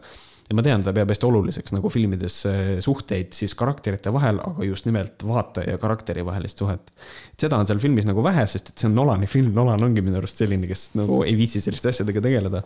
aga mulle üldiselt see film väga meeldis, jah mm -hmm. vot see jälle mitu aastat sa nagu ootad seda, mitte sa, mina ootan, ma pean selle ära õppima, et öelda, et mina mm -hmm. nagu mitu aastat ootan seda ja ma ei näinud nagu mingit uuenduslikkust selles mõttes, et Nolani puhul on ju samamoodi nagu, ma ei tea, Tarantino puhul, et, et sa, sa lähed kinno ja sul on nii nagu sa niimoodi ootad seda mm, -hmm. sa lähed, sa, no ma saan kümne punkti filmi, ma saan kümne punkti filmi, igal juhul saan kümne punkti filmi. ja siuksed sa avastad, et no see ei olnud kümme punkti film, see oli kaheksa pool punkti film ja siis hakkad mõtlema mm -hmm., kas oligi vaata nii hea. aga ei, mulle ka tegelikult loomulikult äh, ta meeldis, ta oli, ta oli huvitav, ta oli, ta oli põnev. noh, kõik need tõesti need timeline'id, kõik need tagurpidi sõitvad autod äh, tegelikult sõidavad õiget pidi. ja, ja kõik see nagu on nagu äge jah mm -hmm.. kusjuures mul, mul, mul live stream'i ajal chatis keegi ütles asja, millega ma ei olnud üldse nõus kuidas sulle meeldis Laagna teel tehtud stseen? väga äge oli. see oli minu arust erakordselt uus ja kõige veidram asi on see, et noh, kui seda siin tehti, siis mul oli nagu noh, kui seda filmi Eestis tehti, siis ma mõtlesin, noh, okei okay,, noh, lahe, teevad ja kõik suht nagu suva.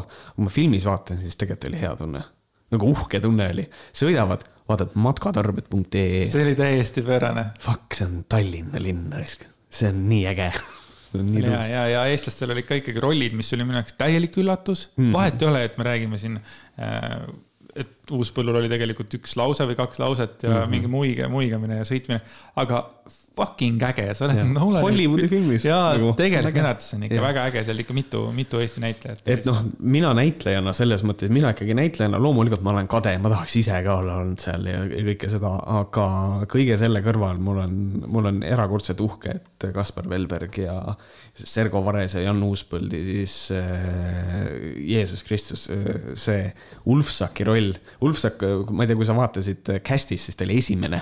ma ei näinud Ulfsaki, kus ta oli?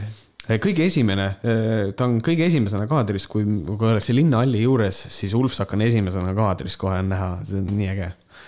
et hästi-hästi tore oli vaadata, et hästi uhke tunne oli, et selles mõttes ja, ja noh, muidugi, kui me nüüd vaatame sellises suuremas mastaabis et tore on vaadata küll, aga noh, tuleb tõdeda, et kui see oleks Eesti film olnud, siis neid rolle oleks teinud ekstrad. Ehk siis sellised noh, no-name actors, et noh, tegelikult selles mõttes me võime öelda, et no mõnes mõttes, et noh, need rollid olid siuksed väiksed, aga oma inimesel tore vaadata ikka, et selles mõttes nagu väga äge. ja väga suur kassatulu oli ka kohe esimese nädalavahetusel Eestis. Mm, -hmm. oli vist läbi aegade suurim, nagu ma aru sain, äkki oli viiskümmend kolm tuhat vaatajat, et isegi Tõde õigusele tegi pähe, et see on päris äge tõesti, et, et sellest räägiti nii palju, kui eelmine aasta mm siin oli need Teneti asi ja, ja kuidas see nagu toimis, kõik mm -hmm. inimesed tulidki kinno, aga jah, kahjuks koroona maailmas, siis on ka selle filmi edu tegelikult üsnagi ära tapnud, kui ma praegu vaatan neid box office'id, siis. et noh, me võime ta panna sellesse, et jah noh, sellises situatsioonis see aasta peale koroonat, jah, absoluutselt, on ju. aga nagu. aga me räägime nagu Nolani filmist, mis oleks pidanud tulema umbes saja viiekümne miljoni eh, dollariga Ameerikas esimeseks ja siis yeah. esimese nädalavahetusega umbes viissada miljonit on kokku, aga ta praegu on mingi, ma ei tea, äkki kolmkümmend miljonit Just, midagi peale.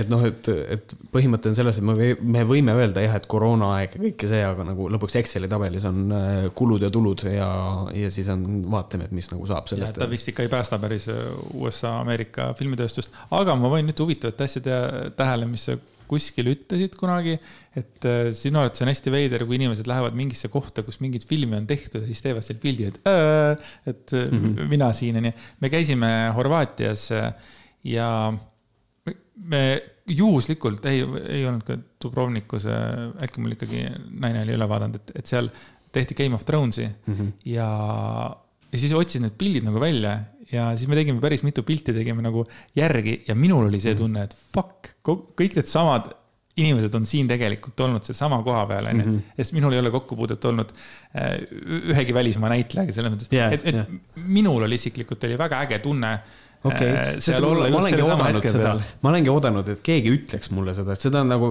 seda on nagu tore kuulda, et nagu see läheb korda, sest et mina olen, ma olen selles mõttes, ma olen võib-olla natukene ka hästi külm inimene.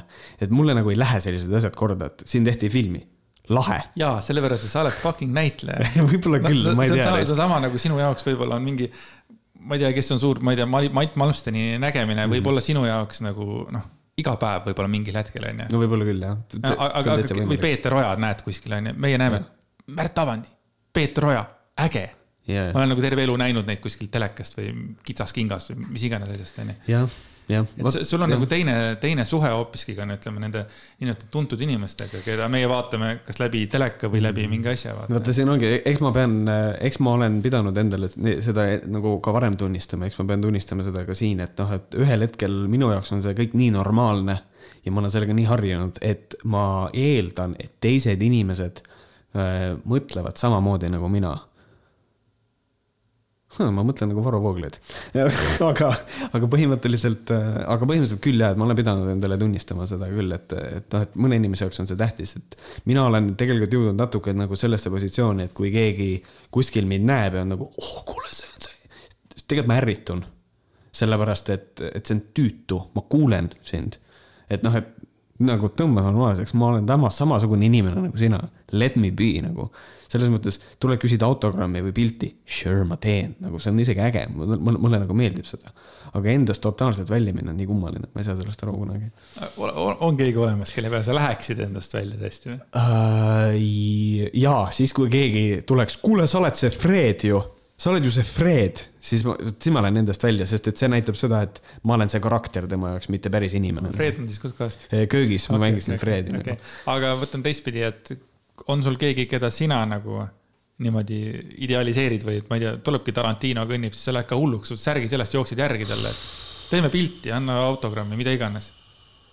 Gal Gadot võib-olla see on see, kes Wonder Womanit mängis. sest et okay,, sest et ta on, ta on lihtsalt nii ilus naine, mis on, mis on minu poolt nagu hästi nagu madala loobaga asi, et oh, ilus naine ja see on kõik, mis loeb. ei ole, aga ta on lihtsalt eh,. me kõik teame seda, naised ja mehed, me kõik teame seda, et on mingisugused inimesed, mingisugused indiviidid, kes lihtsalt käivitavad kuskil ajus sügaval mingisuguse siukse asja, et oh my god, I can't siukene, mitte et ma tahaks temaga sugu ühtesse astuda, ei, ma lihtsalt tahaks istuda ja vaadata teda nagu. see on selline nagu selles mõttes et, äh, et põhimõtteliselt mina olen seda tundnud ainult oma abikaasaga ja siis teine on Gal Gadot, nagu ma ei tea, millegipärast on sihuke nagu, see on hästi kummaline. et see on sihuke. ja mulle väiksest saadik on meeldinud Salma Hayek. Salma Hayek. ja, ja ka sellest saadik, kui ta üheksakümmend viis Desperados oli ja siis tuli Ehast Guardian from Dust Till Dawn ja sealt oli nagu veel nagu. jah, ja siis on ja, ja siis on mingid hästi siuksed ja siis see, see kõrval on näiteks on see, et äh, see sõltub vaata ka sellest, mis ajal sa oled seda inimest näinud Eh, mina ei teadnud seda, et näiteks Jamie Lee Curtis, ma ei tea, kas ta sul kohe ette tuleb, et noh, tegelikult noor Jamie Lee Curtis oli erakordselt äh, nagu teda ikkagi idealiseeriti. keda väga. sa mõtled, kui noorena sa mõtled, sellepärast ma mäletan, kui ta tegi True Lies'is äh, Arnold Schwarzeneggerist ja uh mhm. -huh. ta tegi selle striptiisi yeah. või selle hetke, siis seal nagu oli niimoodi rahvas, et vau, et. ja, ja, ja, ja. Milline keha, kas see on see noorus? vist küll jah ja, ja aga siis, aga kui, kui, True Lies välja tuli, siis äh, ma, vaatan, kui vana film see on, siis ta oli ikkagi 94. nagu. üheksakümmend neli, okei, sure, okei okay., ah sa oled vanur, sa tead kõike. siis ühesõnaga, mina olin ikkagi niivõrd väike veel, et nagu minu jaoks ta oli vana tädi juba siis nagu no minu jaoks ta oli vana tädi, et nagu see oli, see oli liiga vara. ei no minu jaoks oli ka. sinu jaoks oli ka? ma olin ühe, üheteistaastane poiss, aga siis ta ikkagi ju nelja, ma arvan, et ta võis mingi neljakümne aastane olla, et mm -hmm. come on, üheteist aastat on juba mingi, kakskümmend on juba yeah. old as fuck, vaata yeah jah, kuigi ma tunnen hästi ebamugavalt sellistest asjadest rääkides, sellepärast et see jätab veits sellise tunde, et me räägime naistest nagu lihast, aga noh, tegelikult, tegelikult otseselt ei räägi selles mõttes, et ikkagi mingisugused asjad, mingisugune asi ikkagi naiste juures või meestel. ma ei tea, pigem tunnen, et me embrace ime naiste ilu praegu. jah, sest et ilu on, ilu on, ilu on ka tore asi, millest võib rääkida. Ja, kas me võtame järgmise teema? võtame muidugi. ka ühest väga vahvast naisest sa mõtled Yana Toomi või? Yana Toom, Yana Toom on, minu abikaasa on hästi ilusasti öelnud Yana Toomi kohta. ta on hästi hirmus inimene. ja ma olen kuulnud seda veel. ja, et, et ta on, aga ta on hirmus inimene, mitte selles mõttes, et ta on õudne, vaid selles mõttes ta on nagu, kuidas see on, imposing, et kui ta on ruumis mm. -hmm. ta ikkagi. tuleb ruumi, tema on toas. tal on, tal on see ja, nagu see. Ma olen siis... kuulnud ka, et ta on hästi pikk ja, ja ei, ma olen näinud äh, teda, äh, teda nagu laivis ja ta ongi, ta on ikka pikk naine ja see, ja see, ja see aitab sellele kõigele kaasa mm. -hmm. nagu ta on ikkagi. miks me räägime Yana Toomist, on äh, sellepärast, et ta kirjutas ühe väga vahva artikli.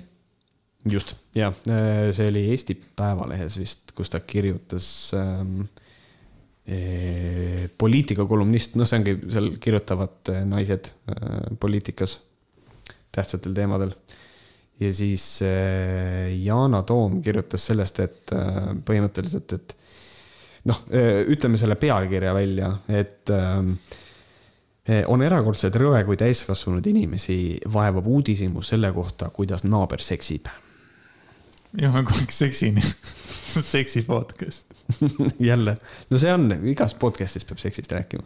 absoluutselt. et see on kuidagi selline ja see artikkel on hästi tore, sellepärast et noh, kogu see juhtiv mõte tegelikult tuleb tal välja minu arust pealkirjas, et noh, et ta ei saa aru sellest, et miks, et noh, et ähm, ma ei mäleta, mitu aastat tagasi ma käisin Arvamusfestivalil, kus oli ka ühe äh, arutelu teemaks oli see, et LGBT magamistoast välja et ongi nagu see, et kui me räägime sellistest äh, vähemustest, kas siis nagu biseksuaalsed, panseksuaalsed, äh, homoseksuaalsed, heteroseksuaalsed, no tegelikult heterote puhul sellest ei räägita. aga kõikidel, kes ei ole heterod äh,, alati räägitakse, kõik jõuab ja kõik saab alguse nendesse suhtumine sellest, kuidas nad seksivad et nagu kõik see muu nende sotsiaalne kasu ühiskonnale või ja, ja, nüüd, kui keegi küsib, aga mis kasu on homoseksuaalsed ühiskonnale, me ei räägigi nüüd seksist, me räägime homoseksuaalsest inimesest kasu ühiskonnale, et noh, näiteks kui ta on teadlane, geenitehnoloog või kuidas sellest on kasu.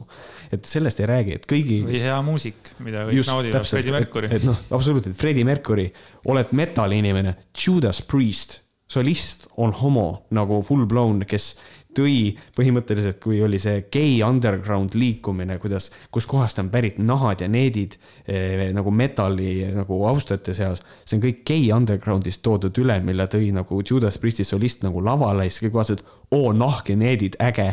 mis on tegelikult tulnud kõik sellest nagu sellest gei kogukonnast, et ma ei tea, noh, see on siukene noh, ühesõnaga. mis sa arvad, kas me tsiteerime ka natukene siit või? Eh, Shoot'i mingi lause tahaks kõigepealt lõppu, tahaks, tahaks täitsa lõpust äh, täitsa lugeda siukse asja, mis mulle väga meeldis um,. okei okay,, et see ongi, et siis sama küsimus, et äh, mis on traditsiooniline pere mm? -hmm. monogaamne, heteroseksuaalne ja soovitavalt paljulapseline abielu. Äh, kas endast pea kakskümmend aastat noorema naisega teist korda abieluranda sõudnud Helme või vabaabielus lapse saanud Madisson ikka ise iseloomustavad seda, mida kaitsevad jah, iga pere on püha ning iga armastus on väärt, ka Helme ja Madissoni oma. aga kui teie enda pereelu pole see, mida te justkui kaitsete, siis taandub ju kogu asi sellele, kuidas keegi tehniliselt seksib ja see on haige. et see võttis nagu kokku selle minu arvates. jah, see on äh.... silmakirjalikkus nagu. jah, noh, see on, no see on see vana hea kahekümne seitsme aastane lastetu naine on äh, ühiskondlikult kahjulik element ja siis nagu selles tsunfti sees on inimesi, kes vastavad sellele kriitikale ise et noh, see on, see on, see, see on väga hästi öeldud, loomulikult me võime siinkohal kohe nagu tõsta, et noh jah, et kas see tegelikult siis taandub sellele, kuidas tehniliselt keegi seksib, et kas ta päriselt sellele taandub, sure, aga see üldine mõte on kõik väga korrektne minu arust. et selles mõttes Yana Toom on nagu see inimene, keda ma nagu mingil hetkel, ta ei meeldinud mulle mm. -hmm. ta aga... oli ikka väga teisel, teisel pool, ta oli Keskerakonna mingisugune aeg, kus ta oli nagu ja, just. väga valjuhäälne ja mitte. aga nagu kui ta võtab sellistel Meil... teemadel sõna, siis see on nagu üli, ülioluline, et ja, ja, ja, ja ülihea point, noh jah, näiteks ongi, kujutage ette, te vaatate hommikul naabrit ja lasete fantaasial lennata, et kuidas nad seal linade vahel partneriga möllasid. ja siis veel korraldate sel teemal arutelusid, hakkate kujundama avalikku arvamust ning kirsina tordile plaanite rahvahääletust, et kuidagi näidata nendele valesti seksijatele koht kätte. haige, no täiega. nii, ja nüüd ma hüppan, Andreas, kohe selle rahvaalgatuse peale kas Eestis peaks leidma aset referendum, mis määratleb äh, abielu põhiseaduses et kas muuta ära põhiseaduses see, et kas see on naise ja mehe vaheline? ei, miks? sest noh, ongi nagu, ma vaatasin, Reformierakonna kaitse on väga hea, et me ei pea sellega tegelema, sest et perekonnaseaduses on see kõik olemas. ja, ja see referendumi asi on, võib näidata kahte asja. see on kaks võimalust üks on see, et see on esimene suur asi, millega EKRE paneb nagu rämedalt puusse. on see, et me korraldame referendumi, inimesed hääletavad ja ütlevad, et ärme määratle seda põhiseaduses. see on räme prohmakas EKRE-le, see on äh, Isamaale täpselt samamoodi tegelikult. et see on konservatiividele räige põnts, sellepärast et nad ootasid seda, et rahvas ütleb, paneme selle kõik põhiseadusesse kirja. nüüd äh, loomulikult, kui see peaks niimoodi minema tuleb selline tulemus, siis hakatakse rääkima sellest, et noh e, e-hääletus oli ka raudselt referendumil. see, noh, see ühesõnaga, see on kõik, see on, see tulemused on võltsitud ja mida iganes ja see jutt ilmselt tuleb. aga teine võimalus on see, et eh, meie ühiskond näitab välja sügavat eh, hoolimatust sellega, et nad ei lähe hääletama ja hääletustulemus on täpselt see, mida EKRE tahab ja kui see peaks olema selle referendumi tulemus, siis ma ütlen ausalt, ma vist lasen kogu poliitikasfäärist lõplikult lahti ja hakkan videomänge striimima. mind ei huvita enam. Take your country and fuck it, mulle täiesti pohhui, ma ei tea, mul on endal selline tunne, et ma selles mõttes, ma nagu mõnes mõttes, ma tunnistan, ma kardan seda referendumit sest et võib-olla on see sügav hoolimatus inimestes, et ah, suva niikuinii hääletavad. vaata nagu Brexit oli. Brexiti peale siiamaani räägitakse sellest, et osad inimesed olid nii kindlad, et meid ei hääletata välja, et nad ei läinud ise hääletama. see on võimatu, et meid välja hääletatakse. järgmine hommik, oh shit.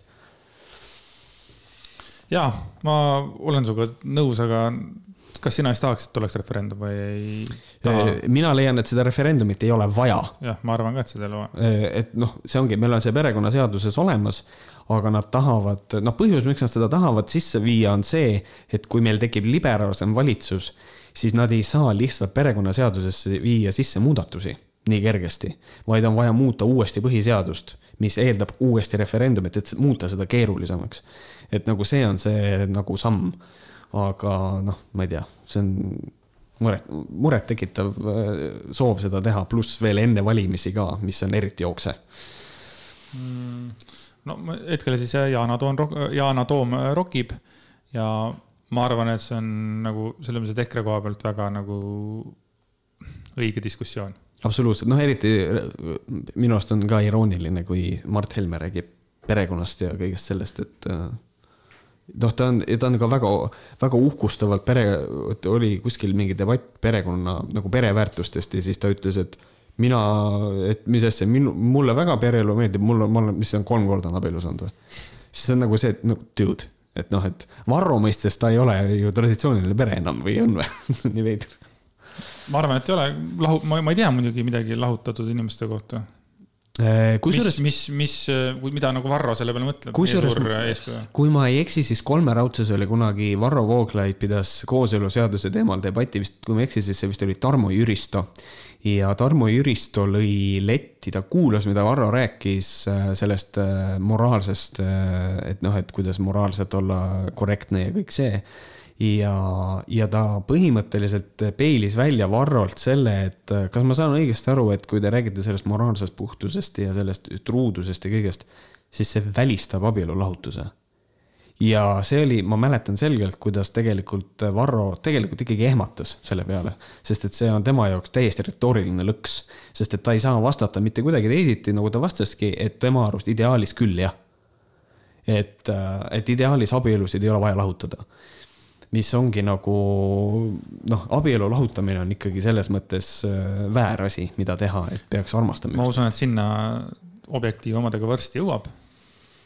kui nagu niimoodi järjest minnakse nagu.... kui järjest minnakse, kui seda Overtoni akent niimoodi liigutatakse, eks see ühel hetkel peaks sinna jõudma jah, et nagu abielu, et miks seda lahutada, et pigem saame hakkama, noh.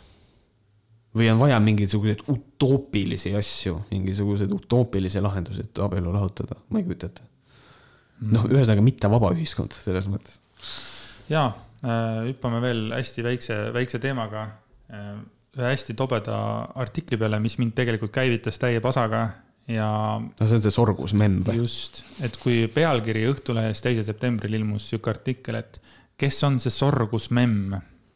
Äh, see oli siis nagu pealkiri ja mm -hmm. siis siin oli, sees oli kirjas sihuke vahva lause, et pamp-pamp-pamp-pamp-pamp no põhimõte on selles, et on äh, inimene, kes siis kuskil sotsiaalmeedias on nii-öelda, vastab justkui mingisugustele ilunormidele, et siis ta vabal ajal on, ma ei tea, on nagu äh, see sõna oli ka siin, et ta on nagu, ei ole nii glamuur, ei näe nii glamuurne välja, just.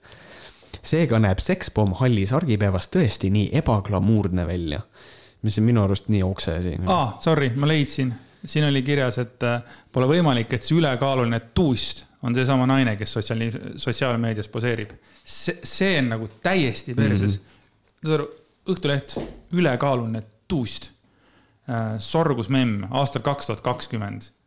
see lastakse nagu täie, täie pasaga läbi või? jah, ma ei, see on nii okse, see on noh, noh, noh, see on hästi nagu solvav nagu naistele, et naine peab olema siis ilmselt kogu aeg erakordselt äh, glamuurne välja nägema, et ta ei tohi nagu, pluss nagu, mis on siin huvitav, ongi see, et kui te neid pilte vaatate, siis ongi see, et äh, see, kui ta on ebaglamuurne, siis ta on täpselt, tal on nagu, tal on nagu trenniriided seljas, ta on nagu, ta tegeleb füüsilise tegevusega. kas ta peab siis olema äh, selles seksikas trikoos, mis tal on nagu teise pildi peal nagu seljas või see jääb mulle nii arusaamatuks ülekaaluline tuust. nüüd te teate, naised, kuidas äh, Õhtuleht võib teist kogemata kirjutada. jah, et kui sa oled kuskil äh, olnud hästi glamuurne, näed välja ja siis te, teed trenni, siis sa võid olla ülekaaluline tuust. sorgusmemm. sorgusmemm, no vot, sellised said meie tänased teemad jah, see on, selle, see oli meil nüüd äh, kuues saade, kui me tegime kolmandat saadet, siis me mõtlesime, et me teeme chillima saate ja siis meil oli Andresega, et noh, nüüd kuues saade võiks ka olla chill, aga tegelikult. iga kolmas jah. ja siis, et, et iga kolmas oleks chillim saade, aga kuidagi meil on alati niimoodi, meil oli enne salvestust juba Andres ütles mulle, et kuule, ei, see ei lükkame selle chillima saate edasi, see täna ei tule. siin oli nagu nii palju teemasid, millest oli vaja rääkida ja, ja mm. mulle väga meeldivad jälle sinu need mõtisklused mingite asjade puhul, mille peale ma ise ei tule vahepeal, et see on äge. see on, see on, see, see on tore, et keegi hindab seda, jah vot äh, võite meile kirjutada võhkarid at gmail.com ja mm -hmm. õ asemel on kuus, nii et siis kuus karid. et, et äh, on kirju tulnud ka, üks hetk kindlasti tegeleme sellega pikemalt mm. -hmm. ja olge tublid olge, olge tublid, olge terved ja palju edu teile, milli-, mil-, mis iganes on, millega te tegelete. tšau. just, tšau